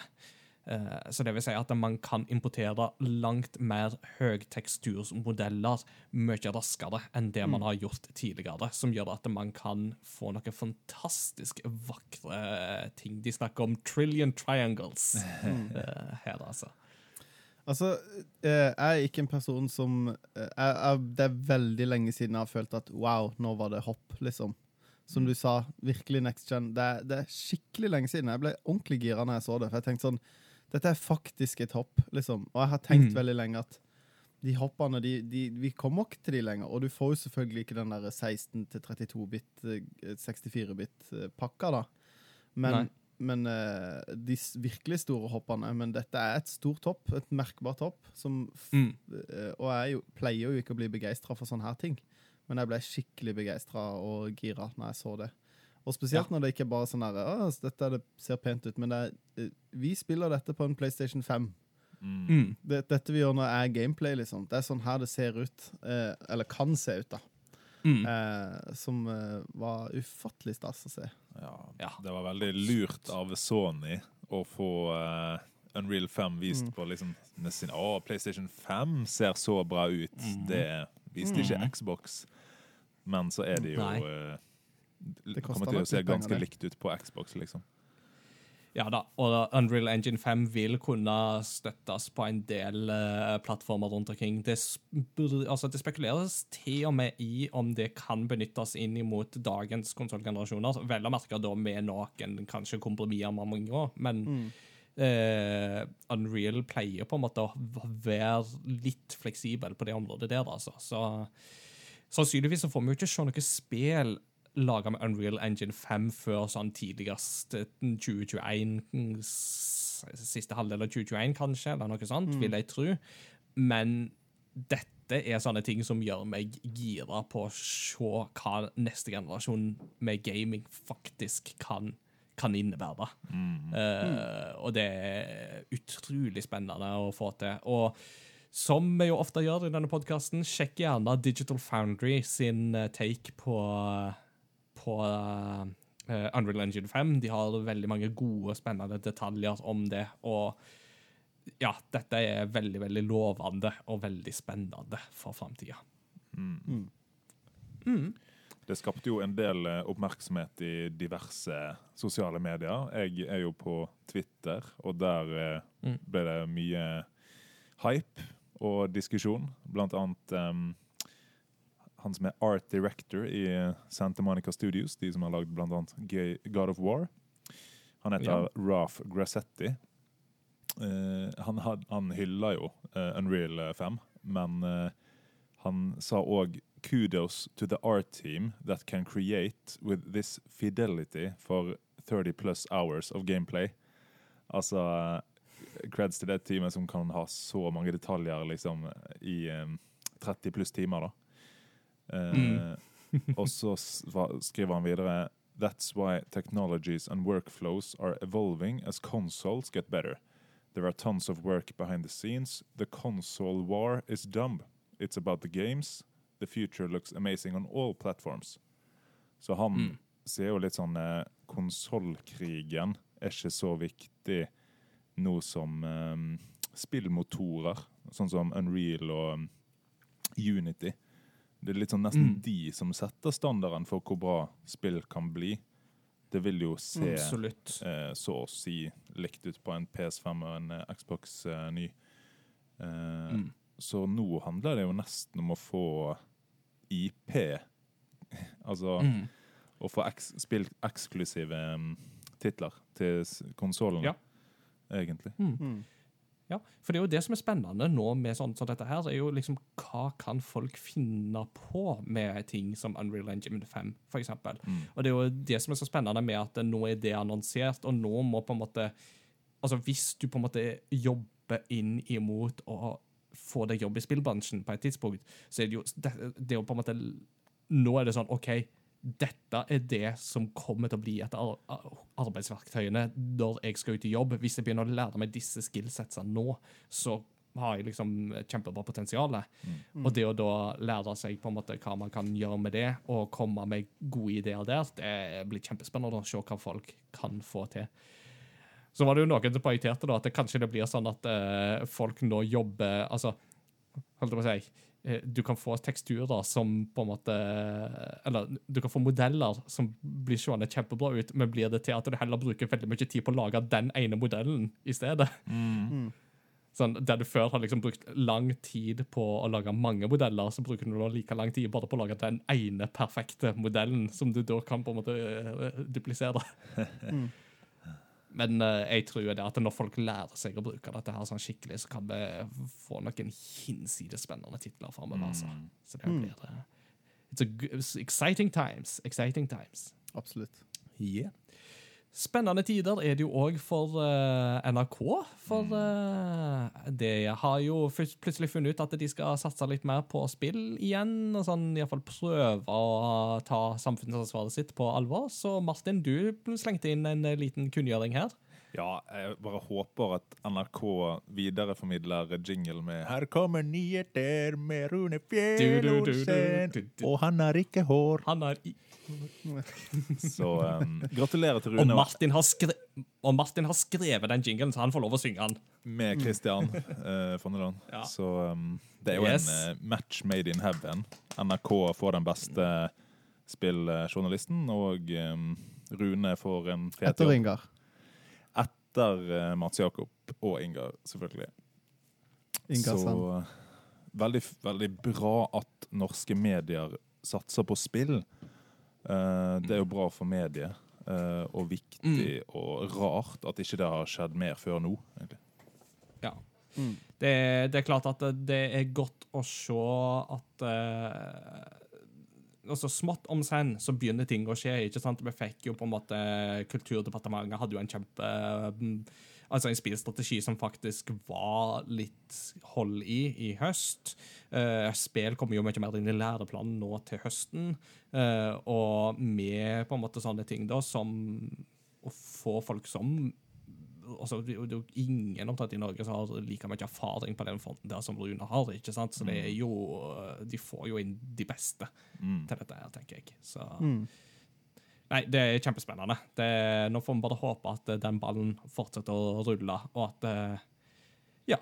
Så det, det heier vi på. Det heier vi absolutt på. Um, ja. Uh, for de som gleder seg til Ghost of Tsushima, så er det jo kommet en 18 minutter lang gameplay-trailer, så det er jo bare å se. Personlig så ligger jeg unna, for jeg vet at jeg skal ha spillet, og jeg vil ikke bli spoila på mer ting. Litt sånn som med The Last of Us Part 2. Så, men jeg eh, tror dette blir veldig, veldig spennende. Yes. Jeg tror, dette er liksom, jeg tror dette er den videoen som skal til for å på en måte bikke tvilerne over i at OK, dette ser kult ut. Jeg var jo gira fra E3-visningen, men eh, etter dette så er jeg hyped. Og jeg, eh, i respekt til deg, Ingar, så skal ikke jeg si mer, men eh, for de som er mer nysgjerrig, sjekk det ut. Yes. All right. Det passer jo å slutte litt på den kunngjøringa. uh, for i dagens tema så skal vi ta en tur to uh, a place far, far away. Nei, vi skal ikke til en galakse. Men jeg tenkte vi skulle ta en tur til Japan i denne episoden. For nå er det jo sånn at uh, de fleste er jo stuck i Norge ut sommeren. Eh, Regjeringa sier at eh, vi bør holde oss i landet, og det er jo vel og greit. Men da tenker jeg at da kan vi heller prøve å ta folk med på en reise. Eh, og snakke litt om dette annerledeslandet, som jo har en så sentral betydning for gaming, og ikke minst i denne podkasten her, ut ifra ting vi snakket om i siste episode. Så, i forrige episode så fikk jo jeg snakka litt om mitt forhold til Japan, og sånt, men jeg er jo ikke den eneste i denne podkasten som har vært i Japan. Jeg tror vel at samtlige har vært. Mm. Det er vel deg jeg er mest usikker på, Mats Jakob, men du nikker, du òg. Jeg var der for to år siden. Du var der for to år siden, riktig. riktig. Så nå har jo folk hørt masse om mitt forhold til Japan. Hvis de ikke har det, så kan de gå til forrige episode og høre den. Men la oss begynne litt med at dere forteller litt om deres erfaringer med Japan. Så Mats Jakob, eh, kanskje du Would you like to go first? Ja, gjerne. Uh, nei, jeg var i Japan i 2018, så hvis ikke jeg husker helt feil. Uh, jo. 2018 var jeg i Japan uh, sammen med to av mine beste kompiser. Eh, og vi kjørte en heisatur uten eh, sidestykke, for det Han ene hadde en gravid kone, og jeg hadde en gravid kone og en toåring. Eh, sånn at det var litt sånn eh, Klarer vi å få dette til? Ja, det må vi få til. Og det er noe vi har snakka om i mange år å dra, og vi hadde holdt på å dra tre år tidligere. Så var det nesten sånn Ja, vi bare gjør det. Og så holdt Mm. vi på å dra på to uker. Eh, så da fant vi ut at vi, fikk, vi skulle få det til. Uh, men jeg- rosinen i pølsa var at uh, jeg fikk en uke fra å være fra dør til dør. Mm. Så jeg reiste lørdag ettermiddag med toget til Oslo og var hjemme søndag formiddag uka Mm. etterpå. Mm. Wow. Så fikk seks døgn i Japan. Wow. Eh, vi stappa turen med to dagers program per dag. Så vi hadde en dags program før middag og en dags program etter middag. Så jeg var sånn, jeg var sånn, sånn medium pluss liten da jeg kom hjem, men eh, vi fikk gjort eh, vanvittig mye gøy. Mm. Og Japan si er jo? Ja, herlig land. Jeg hadde dratt dit hvis jeg kunne vært der en lang helg. Det, det, liksom, det klør. Jeg har veldig veldig lyst til å dra tilbake. Mm. Eh, ikke til forkleinelse for andre jeg kjenner eller har vært på tur med, men det er den beste ferien jeg har hatt eh, i mitt liv. Mm. Eh, og kulturen har jo mye med det å gjøre. Det er jo en fascinerende eh, kultur som Mm. Beste måten å skrive det på, beskrive det på er at den har et vestlig utseende, men er langt ifra vestlig på innsida. Mm. Eh, hvis du hadde tatt bort alle neonskiltene, så hadde Tokyo sett ut som New York. Mm. Um, i alle fall, det er høye bygninger, og det er underground, og det er liksom Det det er veldig lik bystruktur. Men eh, jeg har vært i New York også, og det er litt mindre rotter på T-banen i, i Japan. For å si det sånn. Eh, Japan er det landet jeg har følt meg tryggest i, bortsett fra mitt eget. Jeg var aldri Jeg gikk, sjekka aldri om lommeboka mi fremdeles lå i lomma. Jeg turte å gå med lommeboka faktisk i baklomma. Mm. Eh, jeg så nesten ikke politifolk. Jeg tror faktisk ikke jeg så en politimann, men jeg så veldig mange uniformerte. Yes. Mm. Eh, dette nevnte jeg vel siste episode, men eh, vi var Ja. i eh, en by som heter eh, Kamikura, Mm. som er der hvor gamle Tokyo var.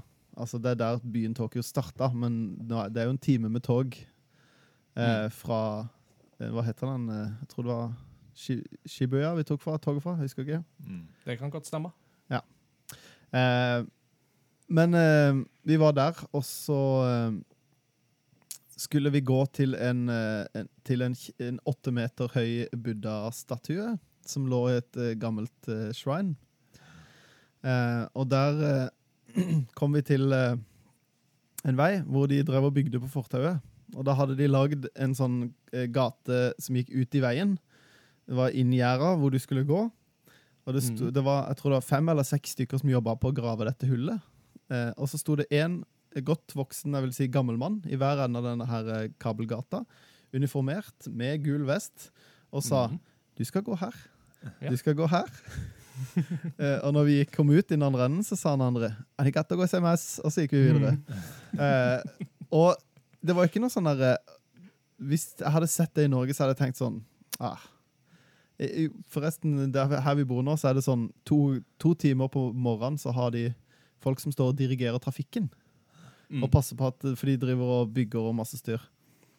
Og da tenker jeg sånn ah, Stakkars, de har kanskje ikke en bedre jobb. Og, eller sånn, Det er utrolig fordomsfullt av meg, men eh, å stå her i to timer og se på biler kjøre og dirigere der det trengs, det virker ikke som at det er den mest ærefulle oppdraget du kan ha. Mm. Men fikk jo helt motsatt inntrykk av det i Japan. At det var veldig sånn, veldig sånn yrkesstolthet. og Jeg har en jobb, og dette er jobben min. Dette er min Mm. oppgave. Er en del av en større ting. Eller får veldig det inntrykket, da. Ja, ja, ja, at det er liksom en del av fellesskapet, ikke sant? Og det er noe med liksom den der eh, de, de, de er jo ekstreme på å sysselsette folk i den type oppgaver i Japan.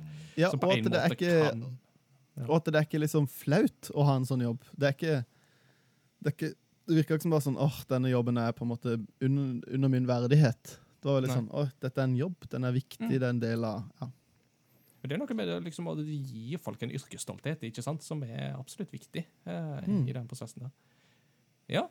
Eh, vi skal jo snakke masse eh, om Japan og sånt, men mm. nå Mm. tenkte jeg å høre litt fra Martin sine på en måte erfaringer med Japan. Eh, Mm. Har du en sånn lignende historie, en sånn introduction, introduction to your Japan relationship? Ja. Jeg har jo fra, tidligere hatt en fascinasjon for eh, Japan, det japanske. Begynte når jeg liksom som liten gutt plutselig så Dragon Ball eh, anime på TV i Frankrike. Eh, helt tilfeldig. På hotell. Bare wow, eh, anime. Mm. Og så derifra hele ungdomsskolen og sånn, så masse på japansk anime og begynte å se på humorshow. Lærte meg litt sånn japanske fraser og kan liksom eh, Fikk veldig fascinasjon for det. Og eh, det er jo en god kombinasjon med guttetur og Japan. Det er en match made in heaven. Så da var det fire gutter, eh, blant annet Christian, Ja. som eh, vi er gode venner fra videregående, og vi eh, fikk til ti dager i Japan i, for tre år siden, 2017, som er jo altfor lite. Jeg eh, kondolerer veldig med seks eh, dagene dine, Mats Jakob. Men eh, det begynte jo med Rekorden min er 50 timer. Ja, oi, ikke lenger, nei. 50 Fra, timer. fra jeg landa i Tokyo og til jeg dro igjen. Men det var den gangen jeg var på Game Rack Drop-dag og traff Shinji Mikami. Ja, ja, ja, ja, ja. Så det var på en måte, det var jobb, da. ikke sant? Men uh, det var 50 timer som vi virkelig utnytta maks. Åh, Det håper jeg. mye reise. Yes. Men um, så satt vi Vi fikk jo sånn um, tourist pass. Um, Mm. anbefales veldig å ha det togpasset med Shinkansen. Så var vi først i Tokyo og gikk videre til eh, KB og Kyoto. Hadde liksom Mm. Planen var å fordele dagene litt sånn likt i de byene, da. Men liksom tre dager i Tokyo, det er liksom Du må ha et år i Tokyo for å Mm. liksom eh, bare begynne å utforske den byen, liksom. Um, Ja. Jeg kommer gjerne tilbake til litt de forskjellige bydelene og sånn i Tokyo. Det er veldig interessant. Mm. Um, så dro vi til Hiroshima og Himeji Castle og Ja, det var bare himmel i ti dager. Og så var det Mm. liksom eh, desto større nedtur å komme tilbake. Så jeg har liksom snakka med folk um, Jeg er ikke født i feil kropp, men jeg tror jeg er født i feil land. At jeg burde være født i Japan. Uh, Mm. Følte meg liksom hjemme der med en gang. Jeg kan anbefale oss å bli født i Japan, altså. Ja, ja, det er noen som har det. Det er noen som har det. uh, men altså Du snakker jo liksom litt om det der at det blir sånn nedtur når du kommer tilbake. Det som på en måte alltid er min første nedtur når jeg kommer tilbake, det er ok, aller, aller, aller første nedtur det er jo når jeg skal hente bagasjen igjen på Oslo lufthavn. For at da er det liksom tilbake til norsk køkultur og norsk bagasjekultur. og sånn, mm -hmm. Folk, kan, folk skjønner ikke poenget med den stripa rundt båndet, liksom. Og, eh, nei. Men det andre som alltid slår meg, det er jo liksom det der med at Fyttegrisen, med Norge er så skjete. Ja, ja, ja.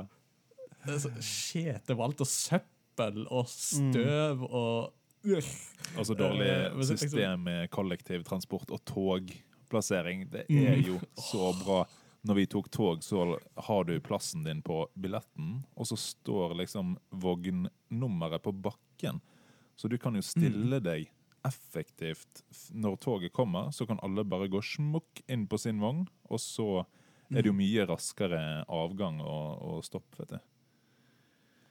Og det er jo et sånn survival 101 i Japan. er jo litt sånn, Sjekk alltid hva nummer du har på billetten din, og still deg deretter i riktig kø. Yes. Eh, men det er som regel veldig veldig lett, fordi at i Japan så er jo det meste sånne ting er jo skilta. Mm. Eh, og de aller fleste sånne skilt står jo ofte med vanlige eh, altså vanlige arabiske tall og med latinske bokstaver i tillegg til japanske bokstaver. Så det er liksom mulig å klare deg så lenge du på en måte kan lese en del sånne type informasjon. da. Eh, altså Før dere dro til Japan, hva var på en måte forventningene deres? Hva forventa dere å møte når dere dro til Japan? Og ble disse forventningene innfridd, eller ble de mer korrigert? Nei, eh, mine forventninger var jo eh, et, eh, et velolja maskineri av en, et samfunn. Eh, det ble jo veldig innfridd, det. Eh, jeg føler at ting var liksom Jeg hadde en forventning, og så Veldig sjelden så ble det oppdaga at det var det motsatte av forventninger, men det var ofte mer enn det jeg forventa. Litt sånn som det kollektive, da du hører at det er så effektivt og bra. Eh, men jeg sjekka jo ikke en rutetid når jeg var der. Det var jo bare, altså T-banen går hele tida. Det eneste vi måtte sjekke når vi skulle ta toget en time ut av byen, liksom. og ikke da Shinkansen, men du må liksom sjekke ja, det går da. Men det liker likevel hvert tiende minutt, så det var ikke noe sånn krise. Og du blir ganske fort vant til at ting går hele tida. Så det er sånn, åh, må vi vente fem minutter på T-banen? Hva er det som skjer nå, liksom? Uh, Ja. ehm, ja, for ordens skyld, for, for ordens skyld for lytterne, så Mm. Shinkansen, dette begrepet som har blitt slengt ut, det er jo da disse japanske hurtigtogene, disse her lyntogene som går i sånn 300 km i timen. Mm. Uh, Ja. Yes. Så please continue. det, ja, nei, det, jeg, jeg tok jo ikke det da jeg var jo bare i Tokyo, men uh, uh, Ja, og jeg forventa at maten skulle være dødsbra, og den var bedre enn dødsbra. Uh, Mm. Jeg forventa at det skulle være rent og ryddig, og det var jo så ut som noen slikka gatene. Eh, så, så det var mer sånn der jeg, jeg var jo på en måte kjent med det fra før av, men ting var liksom litt over all forventning på veldig mange måter. da. Mm. Eh, Jeg forventa at karaoke skulle være gøy, og det var veldig, veldig gøy. Eh, Så Martin, du? Nei, Ingar først.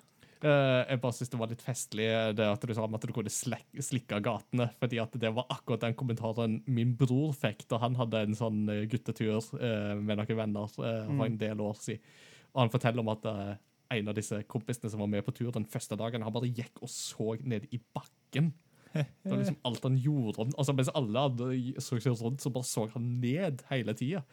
Og så plutselig så bare utbryter han 'Jeg kødda ikke! Jeg kunne slikka gata'. Oh yes. Så yeah. Martin? Nei, hva skal jeg si? Jeg hadde jo eh, Altså, mitt forhold til eh, Japan eh, kom jo via anime og manga. Og der har de jo litt sånne figurer, eksempel Naruto, da, som er veldig sånn der utagerende og utadvendte. og Er veldig sånn der på og eh, Kanskje hadde litt sånn forventning om at eh, å, japanere er sånn livlige og kaster ting rett ut og liksom men eh, det var liksom da jeg kom til Tokyo og lurte om um, å få hjelp til veien, liksom. Så var alle bare så høflige, og det var så mange jeg fikk hjelp av. uh, som um, Og så er jo kanskje den stereotypiske japaneren litt uh, inneslutta, kanskje. Eh, Ja. Ja. Som er De er veldig litt sånn- konforme. ja. Så det var litt sånn litt Akkurat det var jo imot mine forventninger, men allikevel på en positiv måte, da. Um, Mm. Men jeg bare fikk så mange positive overraskelser av um, byen og kulturen, og bare være der, liksom. Det Ja. Det var noen som gikk med oss i en halvtime, bare for å fotfølge oss sånn å, å forsikre seg om at vi kom på riktig sted. Det var helt Wow. fantastisk, for det ligger jo litt sånn stolthet i ja, jeg skal hjelpe turistene. Uh, så det var um, ja, helt fantastisk. Nice. Kult. Kjempeimponerende. Mm. Uh, dere har jo be- begge streifa litt innom det, men mat. Altså, Mm. Hva var på en måte beste maten dere fikk eh, smake på? Eh, har dere noe sånn som dere husker? Jeg hadde, jeg hadde flere Jeg har mange punkter der, men eh, eh, vi hadde Han ene jeg reiste med, han, er veldig sånn, han var veldig sånn eh, med på Litt sånn med på alt og syns alt er gøy, men han hadde et par ting som han liksom Dette dette er, det, dette er mine ønsker. Mm. Eh, og vi eh, For å oppleve så mye som mulig, så valgte vi å bytte hostell midt i oppholdet. Så vi bodde først eh, eh, noen dager i en bydel. Eh, jeg tror det var Shinjuku eller eh, Shibuya, jeg husker ikke. Og så Mhm. hadde vi noen dager i Asakusa, Ja. som er en mer sånn gammel bydel, hvor det er litt sånn mer sånn tradisjonelle Du får jo ikke den der eh, Kyoto-følelsen, men eh, men du, det er allikevel mer sånne bygninger med sånn sp- spisse tupper på takene og sånne ting. Ja, Eh, eh, Asakusa, der har du jo blant annet The Thunder Gate, som er en så Mm. stor rød port med en gigantisk rød papirlykt eh, i, Ja. eh, som er sånn berykta turistmål. Ja, vi bodde veldig nærme den, da, på et eh, Mm. hostell. Mm. Ja. Eh, det er også en ting som innfridde veldig. Jeg har jo hørt at for det første at Japan er veldig dyrt, og, og det er det jo. Men det er jo ikke dyrt når vi bor i verdens dyreste land, så blir jo alle land billigere enn vårt eget. Så jeg ble jo positivt overraska sånn. Eh, men eh, typ sånn en ting som er veldig dyrt i Japan, er jo hotell, eksempel. Eh, Og vi bodde på hostel. Ja. Og det funker jo bra å sove på sovesalen når det er tre gutter, men eh, det føltes ikke som hostell, andre sånne europeiske hosteller. Mm. Det var, jo, det var jo som å bo hjemme hos noen, bare at vi var veldig mange på ett rom. Ja. Det er superkoselig. Det er Det var så kjempehyggelig. mm. Eh, og det var til og med uh, på det ene hostellet vi var på, så var det i stua, så hadde de jo satt opp en Super Nintendo eller en Super Famicom med en skoeske med spill. Det var, uh, synes jeg var helt rått. Uh, men eh, den Han ene eh, kameraten min, han er veldig sånn OK, eh, jeg vil spise eh, dødsbra ramen. Mm. Så da er han sånn som går opp og typ liksom, går på TripAdvisor eller andre sider. TripAdvisor har jo litt sånn troll og sånne ting, men går liksom OK, her i, i dette området, hva er det beste Hva er den beste ramen? Og så bare Ja, jeg vil dit. Og vi bare OK, men da går vi dit. For det, det, det har du veldig lyst til. Og vi hadde en veldig sånn tur, og det var en av de som gjorde, tingene som gjorde det veldig fint. Eh, og da var det sånn Når vi kom fram der det sto at det skulle være, så var vi sånn Men det er jo ikke noe restaurant her. Og så ser vi ned på bakken, og så er det sånn Å ja, her var det en liten trapp ned. Og så var, kom vi ned til eh, noe som bare så ut som kjelleren til noen. Ja, ja, ja. Og, besti og der satt det to, uh, to japanske menn og spiste nudler og røykte Uh, inne, som de mange japanere gjør. Mm. Yes, for, uh, for det er jo sånn ofte der at du må drikke inne. Du kan ikke drikke ute, for ute er det forbudt å drikke. Ja. Eh, så de satt og skravla, og så kommer vi tre hvite inn, og da var det nesten litt sånn der Vinylplata stopper, og hva gjør, Ja, hva gjør dere her, liksom? Det er jo så, eh, Men det var helt fantastisk eh, bra ramen. Og da lærte jeg triks, eh, okay. for jeg så at disse mennene eh, bestilte mer nudler. Mm. Og da ble jeg sånn Er det lov? Kan, du, kan jeg få dobbelt så mye nudler, men ikke dobbelt med en gang? Mm. Sånn at jeg spiste opp nudlene, og så bestilte jeg mer nudler. Så fikk jeg nye varme nudler oppi suppa, og det var en sånn aha-opplevelse for meg. Ja, ja, ja. Så da ble jeg veldig, veldig mett. Fantastisk. Eh, og så var vi innom ble jeg anbefalt en restaurant av en, en kollega av meg som heter Torikisoku. Som er en sånn okay. kjederestaurant. Mhm. Men eh, gimmicken der er at alt koster eh, 20 kroner. Alt på menyen koster det samme, uansett hva det er, det, og det er 20 kroner. Ja, ja, ja. Eh, så du kan bestille en altså, Da er det mest sånn småretter, da, og eh, eh, sånn yakitori-spyd og eh, eh, tempura og salater og forskjellige ting, da. Mm. Men du får bare ut, utdelt et nettbrett med menyen, og så er det bare å trykke på det du vil ha, og så trykke bestill. Og så får du ting fortløpende. Når det. Du får ikke liksom når alt er ferdig, så får du det, men du får det når det er ferdig. Mm. Men eh, vi spiste og drakk eh, i fire timer. Tre Mhm. voksne menn. Og betalte 700 kroner. Yes. Wow. Til sammen, da. Til sammen, ja. Det høres farlig ut. Så det er sånn Ja, det var ganske farlig. Um, så det var to sånn veldig gode matopplevelser, og så er det to litt mindre gode matopplevelser. Og den ene var vi var et sted som heter Piss Alley. Som er et sånt eh, eh, Et bitte lite område, et sånt kvartal, med veldig masse trange smug. Hvor det er masse yakitori-restauranter. Sånne små restauranter hvor det er plass til en to, tre, fire, fem stykker. Mm. Hvor du bare sitter foran eh, grillen, og de serverer. Og så er det jo litt sånn i Japan at hvis det er en lang kø utenfor restauranten, så betyr det at det er den beste restauranten. Eller da er det god mat. Mm. Hvis folk er villige til å stå og vente på maten utenfor restauranten. Mm. Så da stilte vi oss i kø der det var mye folk. Og når vi endelig fikk bord, så eh, møtte vi vår første japaner som snakka bra engelsk. Ja. Så da fikk vi liksom spurt litt. Eh, og eh, han satt og spiste noe, og så sier vi hva er det beste her? Hva er det, hva er det du liker? Hva er det du bestiller her? Jeg bestiller denne, og så roper han bare ja, bestill dette her. og så får vi det, og så får vi masse grått kjøtt. Ja. Eh, og rå gul løk. Mm. Så, tenker så sier han mm, eh, liksom, dette, er, dette er det beste Dette er det beste jeg vet. Og jeg bare, ja, hva er det for noe? Han bare eh, Pig's tongue. eh, pig's eh, intestine. Pig's uterus. uh, pig testicle. Og så var det kokte griseinnvoller med rå løk. Så jeg er sånn Å ja, du har lagd kraft? Ja, vi selger det vi kokte krafta på. Og han satt og gafla i seg, og vi bare ja, Så jeg har da smakt på alle de tingene der. Mm. Uh. Eh, så det var det. Og så aller siste historien har jeg snakka mye, men det her er litt sånn ekstra festlig. Den mest eh, skravlesalige vi møtte i Tokyo, var jo ikke en japaner, men det var en dame fra Thailand Mm. ah. som var gift med en, eh, med en japaner. Og han japaneren han sa ikke et ord til oss, men hun skravla og skravla og skravla. Og skravla. og han eh, en jeg reiste med, han, familien hans sin har vært veldig mye i Thailand og har et hus i Thailand, og faren gjør mye business i Asia.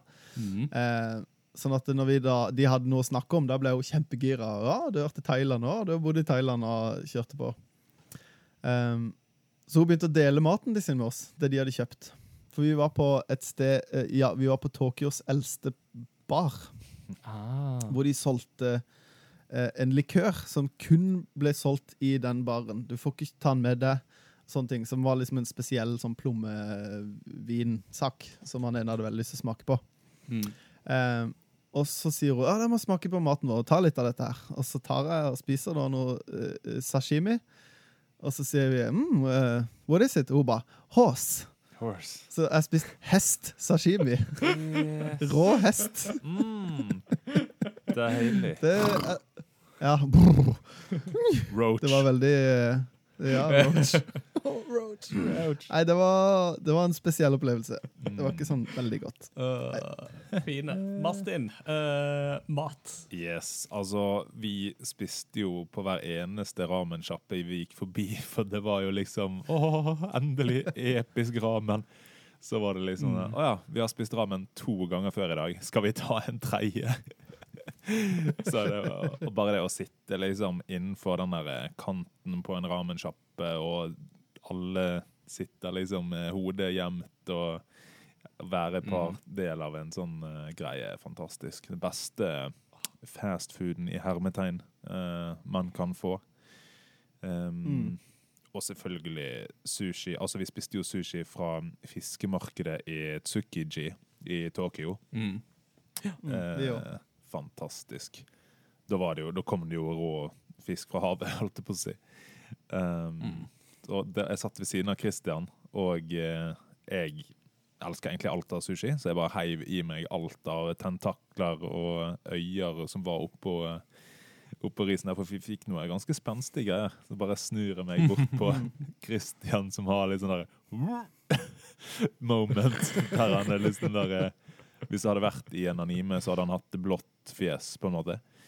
Ja. Eh, Men eh, så han var bare sånn OK, Martin, du kan få mitt. Og vi har jo allerede betalt, eh, så jeg bare mm, This is heaven. Så jeg fikk jo masse deilig sushi. Ja, Du vet hva de sier. Den enes død, den andres brød. Yes. Eller grisetentakler, eller Yes. eller hestetestikler. eller hva det måtte være. Åssen griser er det de har i Japan? De, eh, har, altså, har du ikke sett anime, da? Det, de har jo alle mulige slags eh, fantasimonstre. Nei da. er Og en liten lite um, wor- wor- pun der. Eller, Ja. litt. det må til. Men ja. Og um, en ting som blir snakka kanskje litt lite om, er jo curry. De har eh, veldig Åh, god curry òg, vet du. Så vi gikk innom en restaurant, restaurant, og den var genial, for du trykker på en knapp der du velger curryen din, og så legger du eh, penger på, og så er det bestilt ferdig. Så da bare venter vi på å få curryen vår, og det var magisk godt.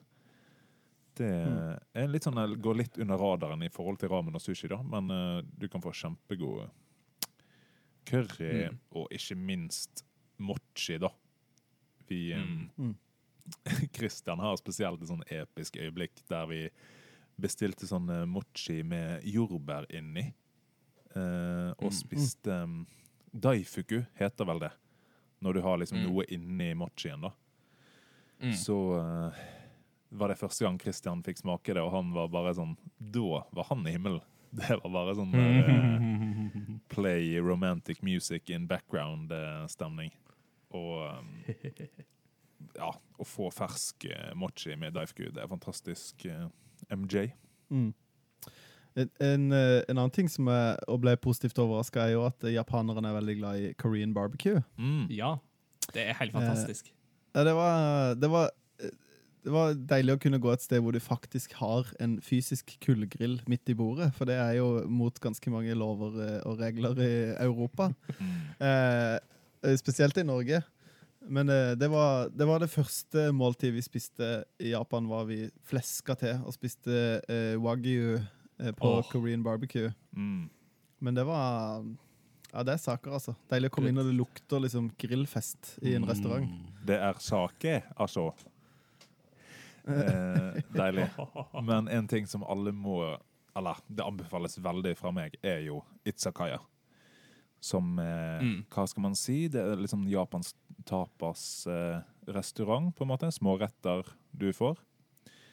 Men det som vi gjorde siste kvelden vi var der, så var vi på en Itzakaya. Fikk vårt eget rom.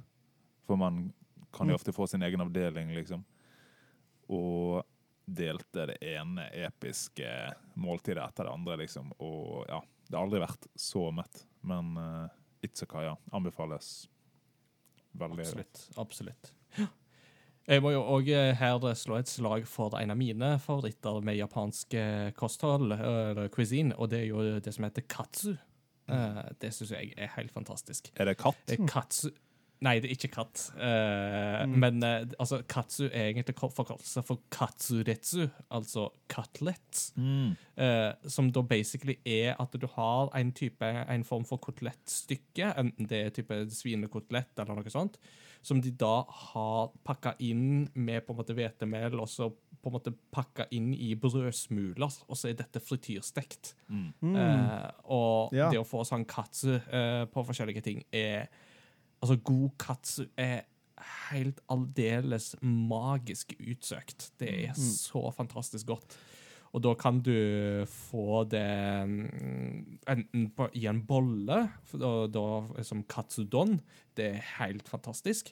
Eller så kan du få det som tonkatsu, som da vil si at da er det liksom lagt på en flat tallerken med litt kinakål og litt ris eh, ved siden av. Og går du på en god tonkatsu-restaurant, så kan du alltid få gratis påfyll med ris og, og, og, og kinakål.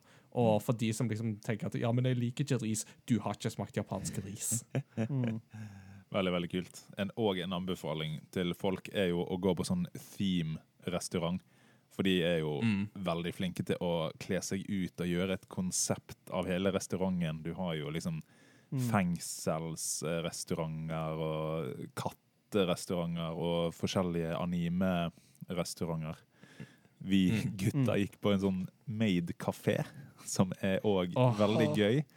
Det må gjøres med en viss ironisk distanse, Men eh, vi Veldig ironisk distanse. Yes. Ja. Vi ble jo bedt om å mjaue og slikke hånden vår for å få maten.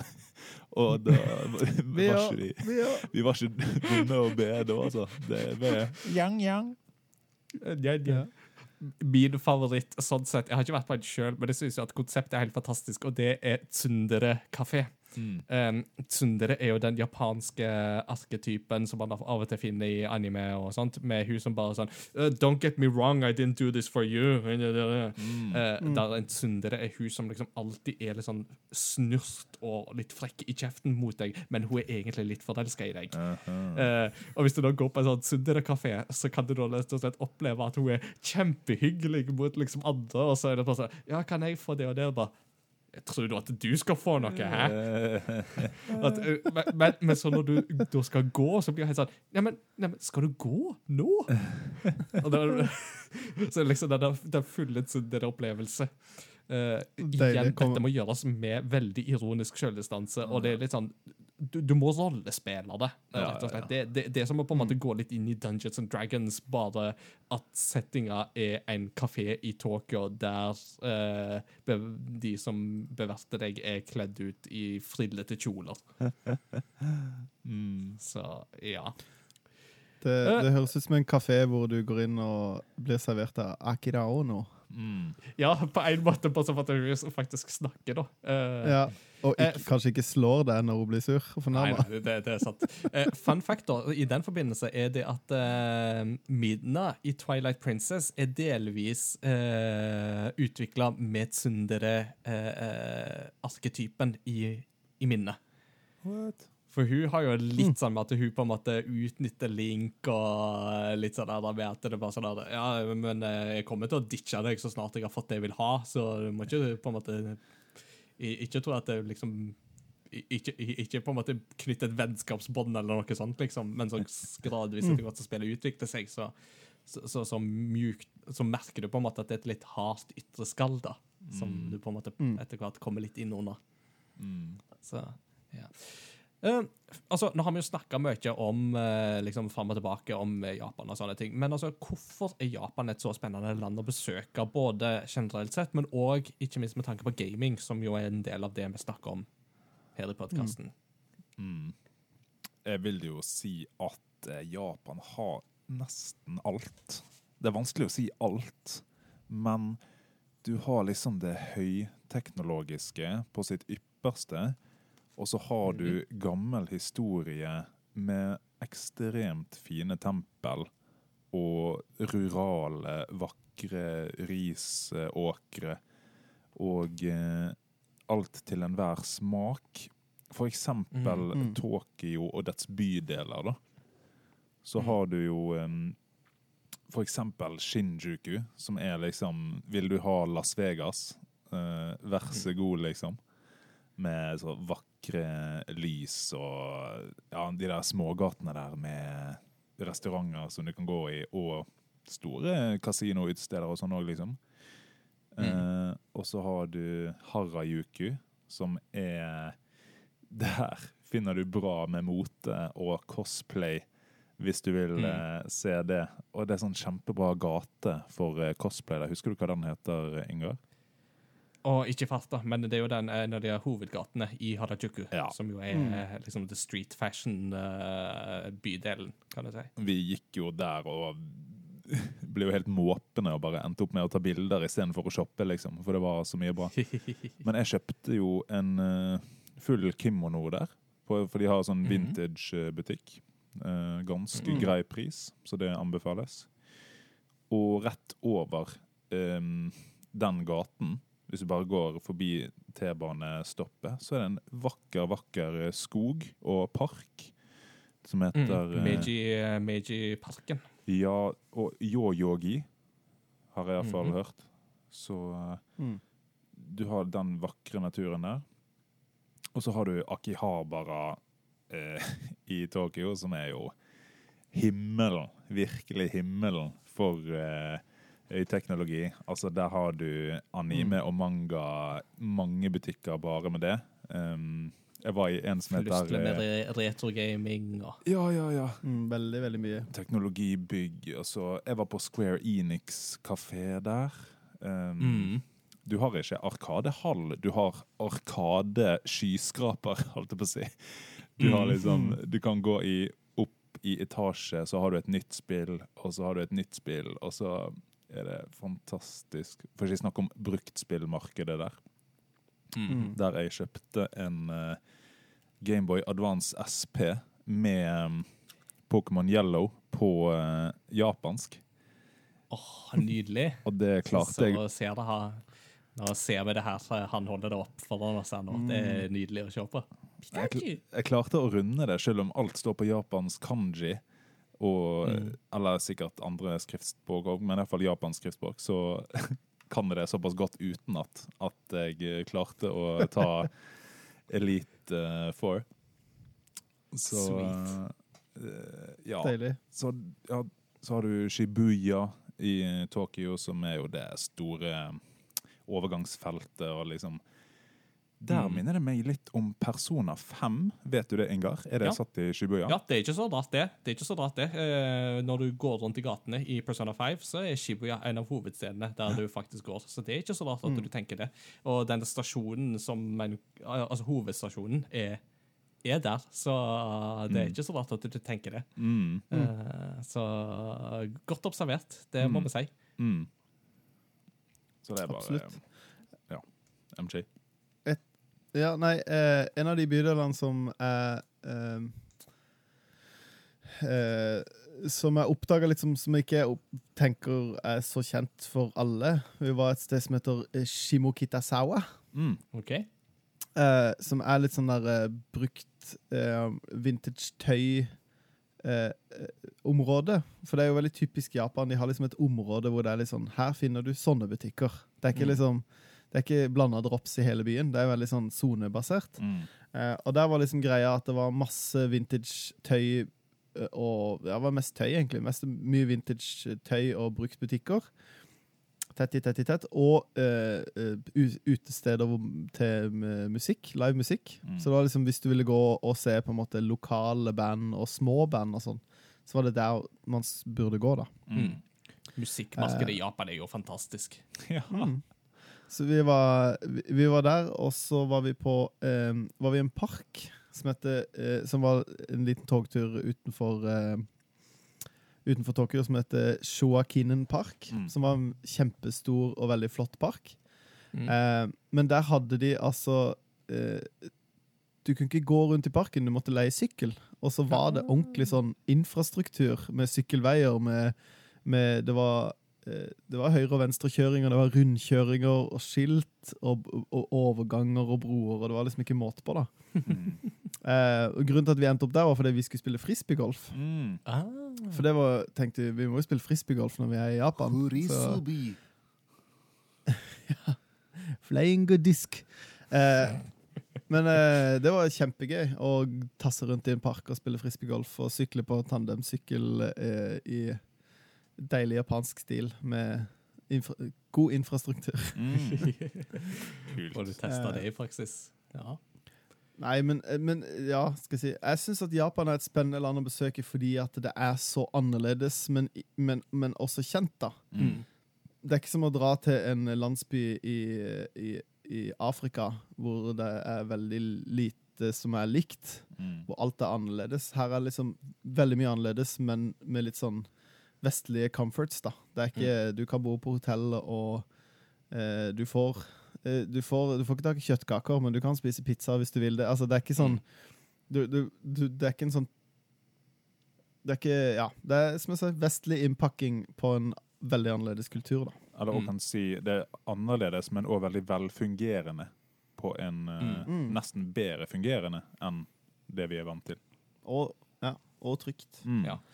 Og Eh, en ting som du nevnte der, som jeg vil slenge inn, som jeg, jeg syns er veldig bra, er det at eh, Japan er et land du kan reise til, og du slipper å prute. Det er liksom bare sånn, Mm. Alle prisene er satt, og pruting forekommer ikke. Og det syns jeg er veldig deilig, for jeg kan ikke fordra pruting. Det er det verste jeg vet.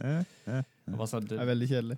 gi meg en pris som er satt, og så er den satt. End of discussion. Mm. Det er sånn det skal være. jeg vil bare også kjapt eh, snakke litt om Kyoto. Er det Mm. Passer det? For vi var, vi var jo der òg, og det er jo Altså, hvis du liker eh, tempelet i Zelda med Fire Temple, eh, så vil du like Kyoto. Der er det liksom så sykt mange fine tempel, liksom. Og em, det vi gjorde Vi var oppe på Ryokan, eh, litt sånn utenfor byen. Eh, Ryokan er jo da et sånn tradisjonelt japansk hotell i hermetegn, der du får eh, Gjestehus. et rom, gjestehus. Vi fikk jo et rom med bambusgulv eh, og vegger, og så skal man liksom sitte rundt eh, bordet der og, og spise, og det er så fin stemning. Og i tillegg så er det onsen, som er sånn hot spring inn, da. Veldig varmt. Veldig varmt. Um, Men så har, det er så søtt, for du får jo liksom skopar til hvert rom. så bytter du liksom Mm. sandaler. Eh, og du føler deg liksom som en konge, og du har eh, egen sånn yokkata klesplagg du får um, å sette seg i onsen etter et ekte måltid i Ryokan, det er lite som føles mer komplett enn det, altså. Ingar? Jeg kan si én ting som er litt mer komplett, og det er å ta badet først, og så spise. Ja. Det er faktisk enda bedre. Det kan Ja. jeg faktisk love. Men med liksom de varme bad og varme kilder, det er da du liksom skjønner hvordan japanere klarer å håndtere travle, lange arbeidshverdager. Mm. For det er liksom Det er terapi, altså. Det er helt kolossalt fantastisk. Men det jeg skulle nevne, var jo det at eh, med Kyoto eh, så kan det jo være altså, Litt sånn krigshistorie er jo det at um, veldig mye, altså, Japan opplevde jo mye bombing under andre verdenskrig, særlig under siste del av krigen. Uh, Tokyo for eksempel ble jo teppebomba av brannbomber så til de grader og sånt. Men Kyoto, som den gamle hovedstaden, ble faktisk spart på grunn av l- verdi, altså fordi uh, på grunn av kulturarven i byen, som man da faktisk var klar over. Så den Kyoto har den veldig gammel japanske estetikken og stilen over seg, eh, som gjør at det, den er veldig spennende. Og ikke minst så ligger jo hovedkontoret til Nintendo i eh, Kyoto, så det er bare, du får ikke komme inn, men du kan gå rundt en gang og bare eh. Fantastisk. Noe vi òg gjorde, var jo å gå denne her gamle handelsruten fra Kyoto til Tokyo, som heter Tokaido-veien. Eh, vi gikk ikke fra Kyoto til Tokyo, men, eh, Nei, da håper jeg ikke, for det er 500 kilometer. Veldig langt. men eh, en, del, en liten del av den, da. Og em, det er fantastisk opplevelse. Anbefales til alle. eh, for de har virkelig bevart noe av den gamle følelsen der. Og noen sånne små landsbyer der du kan komme inn og få te med en gammel mann. Og kjøpe hjemmelagde tekopper i, av tre. Og det er liksom helt fantastisk eh, stemning der. Nydelig. Kult. Vi skal begynne å avslutte denne delen her, men uh, helt til slutt hvis, uh, altså, Når folk kan begynne å reise litt, og sånt, hva tips har vi til de som vil reise til Japan, Martin? Ja, jeg vil bare si uh, kjapt uh, Tourist Pass med tog, Mm. Shinkansen. Det må man søke om på forhånd, så pass på for det. Det hjalp oss utrolig mye.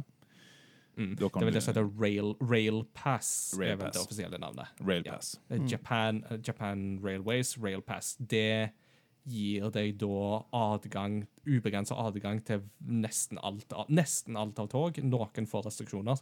uh, I én, to eller tre uker. Alt etter hva du har betalt for. Mm. Men det kan annet brukes på de hurtigtogene. Så det er et veldig bra tips. Og så fikk vi hjelp av eh, han som hadde Airbnb-en vi var hos, til å få en trådløs wifi-ruter. For Mm. da hadde vi um, internett hvor hen vi gikk, liksom. Jeg vet ikke hvordan 4G-situasjonen er der nå i forhold til norske abonnement og sånn, men vi um, hadde jo hele tiden internett med oss, og det hjalp oss veldig, veldig mye. Så det anbefales. Så det er i hvert fall de to safe-tingene jeg kan anbefale. Mats Jakob, på noe, noe mer? Mm. Ja, nei, eh, bare for å ta det med den ruteren, da. Det var han en jeg reiste med, han eh, Han fant ut at du kunne bestille det på forhånd, og så kan du uh, Når vi kom på f eh, flyplassen, så gikk vi på postkontoret, og da lå den eh, som en pakke og venta på oss. Ah. Og så fulgte det med en returkonvolutt. Mm. Sånn at når vi da dro, så bare sendte vi den i en Fantastisk. tilfeldig postkasse og sendte han tilbake.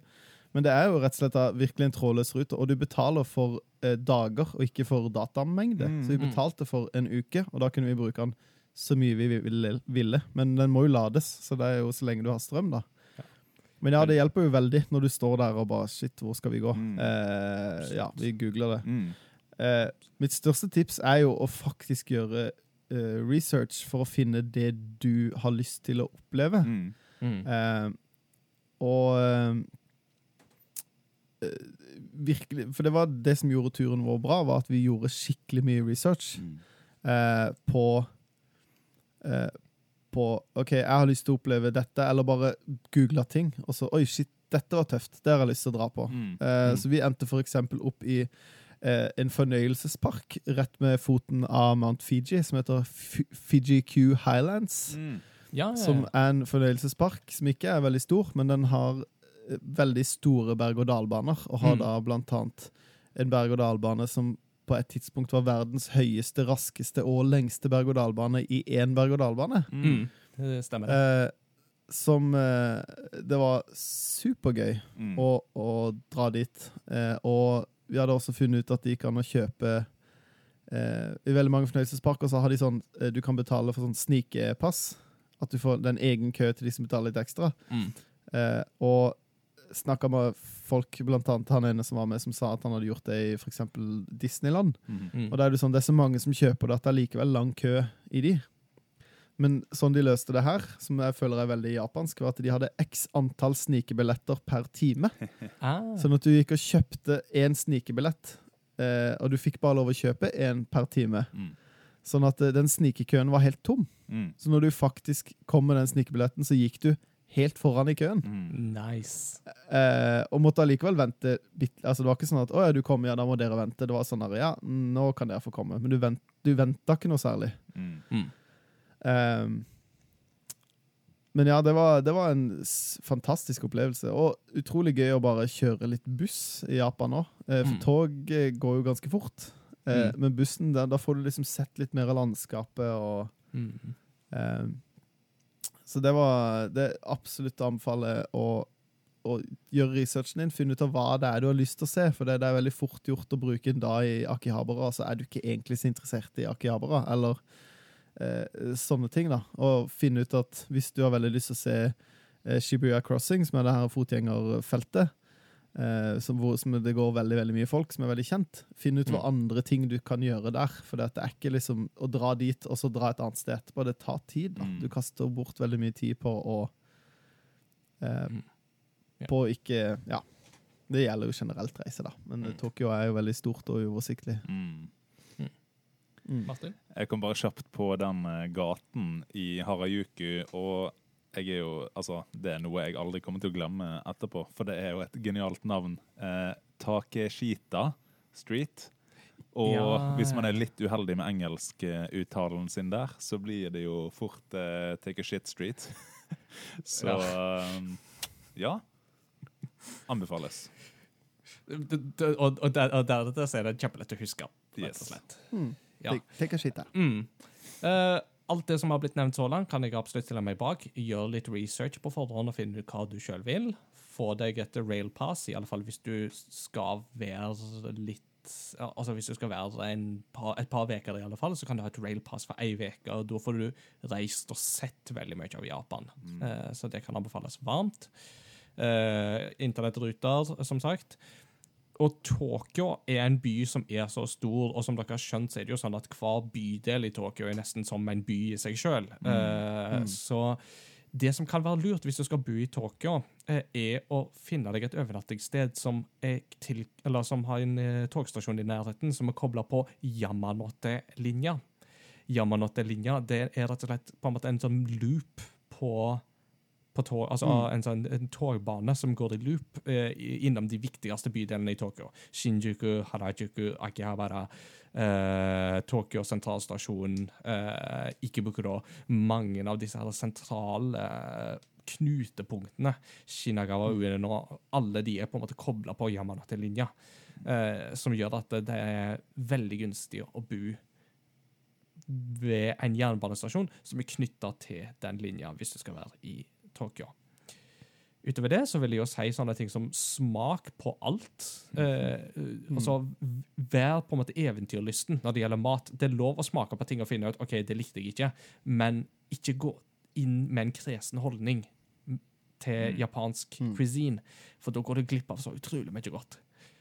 Um, hvis du liker fornøyelsesparker, så kan Universal Studios i Åsaka være verdt et besøk. Der eh, har de jo både Harry Potter-avdeling, der får de jo Super Mario-avdeling, i tillegg til å ha en del av disse Universal-tingene som Jurassic Park og Jaws og Back to the Future. Så det kan anbefales varmt der, altså. Um, og hvis du er av typen som har litt matallergier, så bør du gjøre litt research på forhånd. For er det en ting som japanerne ikke er så gode på alltid, så er det det med matallergier. Og på en måte Det er et litt ukjent fenomen for veldig mange i Japan. Eh, så det kan være på en måte lurt å på en måte gjøre noen ekstra tanker eh, knytta til det. Det samme gjelder òg f.eks. hvis du er vegetarianer eller veganer, så kan det være lurt å drive litt research der. Det kommer en del ting, og særlig i Tokyo og Yokohama-området så er det masse ting, eh, inkludert halal-mat, hvis du eh, trenger det. Så det er liksom mange ting eh, som går an å få tak i, men du må på en måte være litt obs på at det fins.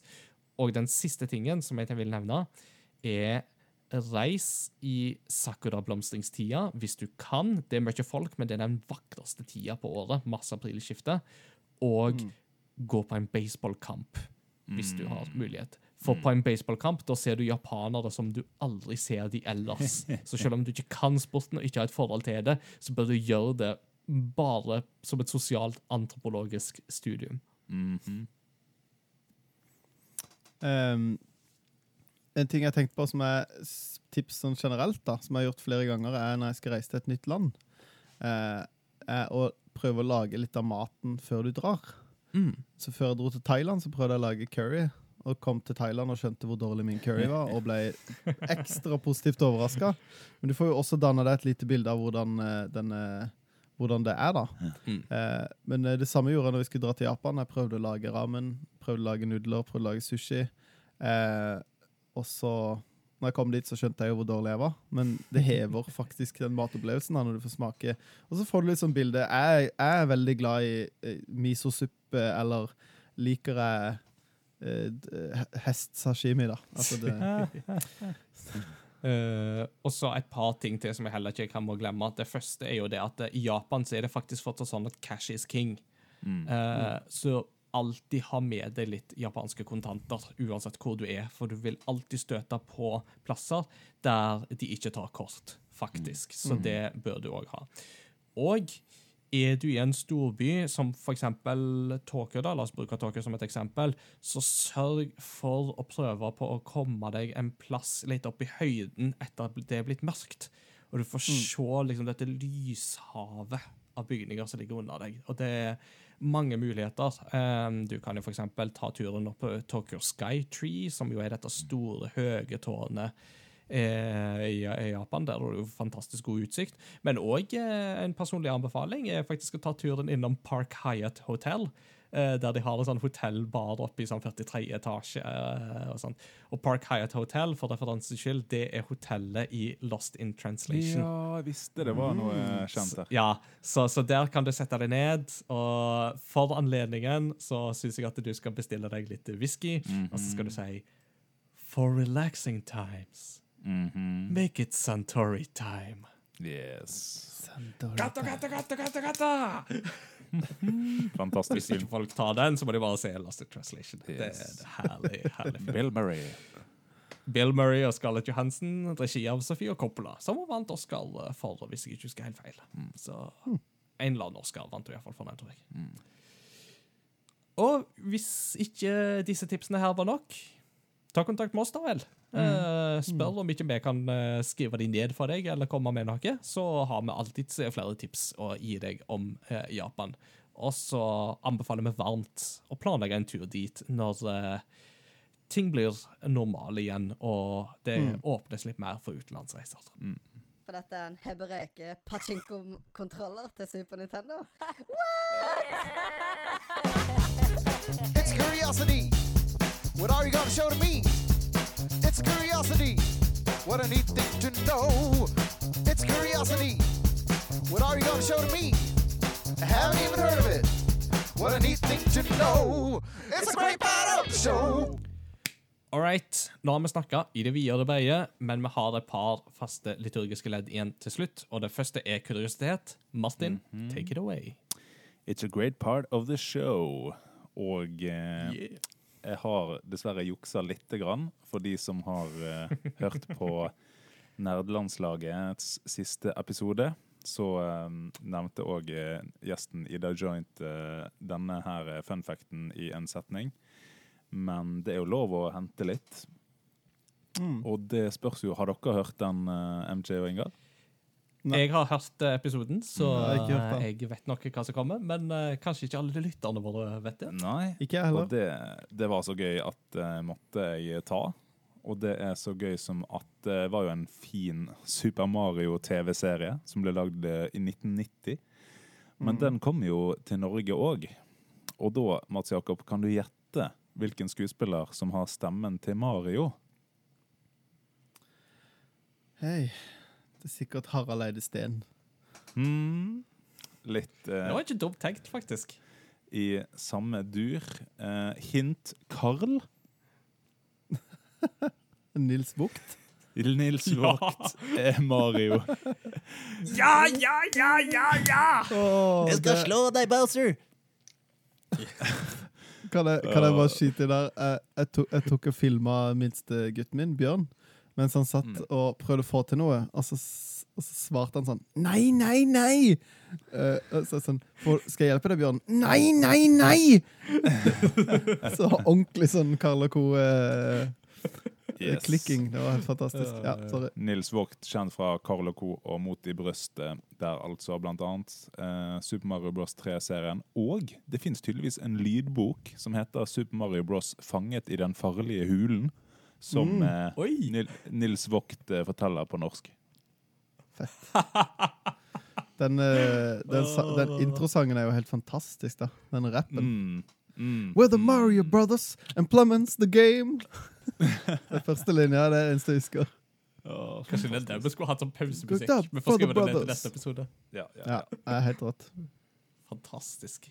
Så der har dere det. Uh, Nils Vogt har tydeligvis mange talenter. Han eh, har eh, blant annet tydeligvis en indre rørlegger i seg, eh, skal vi tro stemmerollen hans i Mario.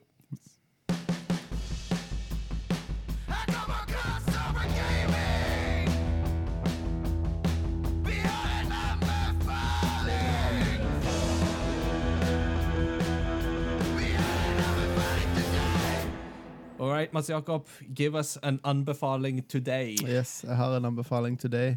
Uh, jo, jeg har jo sett på The Witcher på Netflix, men jeg har også sett på en annen serie som jeg syns var uh, minst like bra.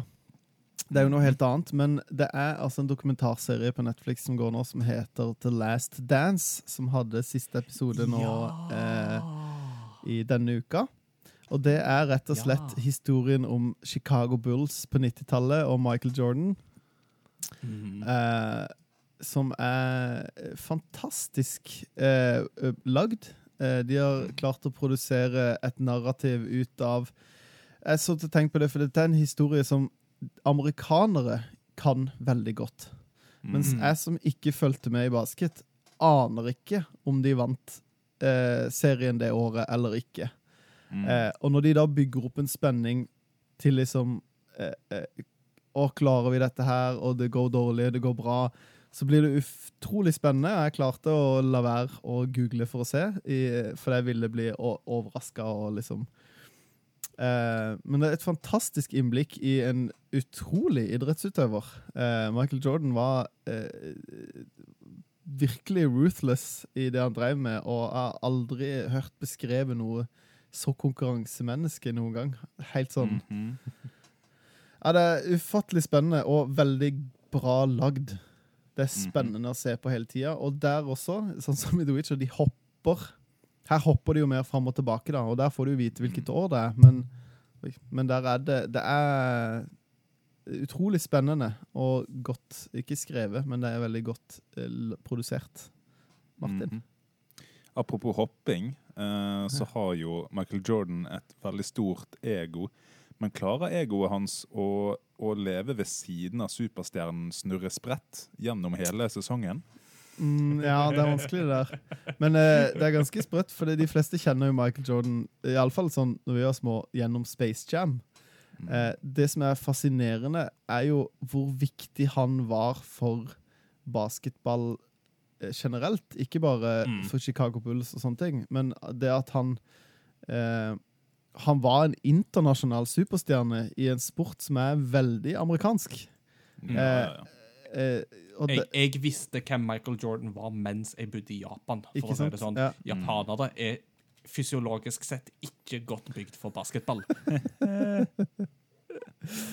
Nei, og, og, og det er det, Han var så Altså, det at Space Jam skjedde, er jo et resultat av at han faktisk var et av de mest kjente menneskene i verden i, eh, på slutten av 90-tallet.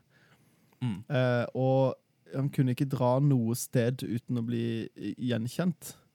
Eh, og spesielt ikke utenfor Hvis du drar til Europa og er nesten to meter og afroamerikaner, så er det veldig vanskelig å gjemme seg eh, i publikum. Eh, men han eh, Nei, det er et fascinerende menneske, Michael Jordan. Og, eh, men han virker allikevel veldig virker som en sympatisk fyr. Men, men når han spiller basket, så er han tidenes eh, mest konkurransestyrte menneske. Eh, og ja, nei, anbefales skikkelig, altså. Det er ordentlig spennende og ordentlig godt fortalt. Og intervjuer mange Intervjuer alle de riktige personene. Det kjedeligste er at det er en dokumentar hvor de på en måte snakker mye om en person som ikke blir intervjua. Eller sånn eh, Alle er med, eh, og de går liksom i dybden på hvordan ting henger sammen. Og ja, nei, bare kjempegodt lagd. Mm. Ja.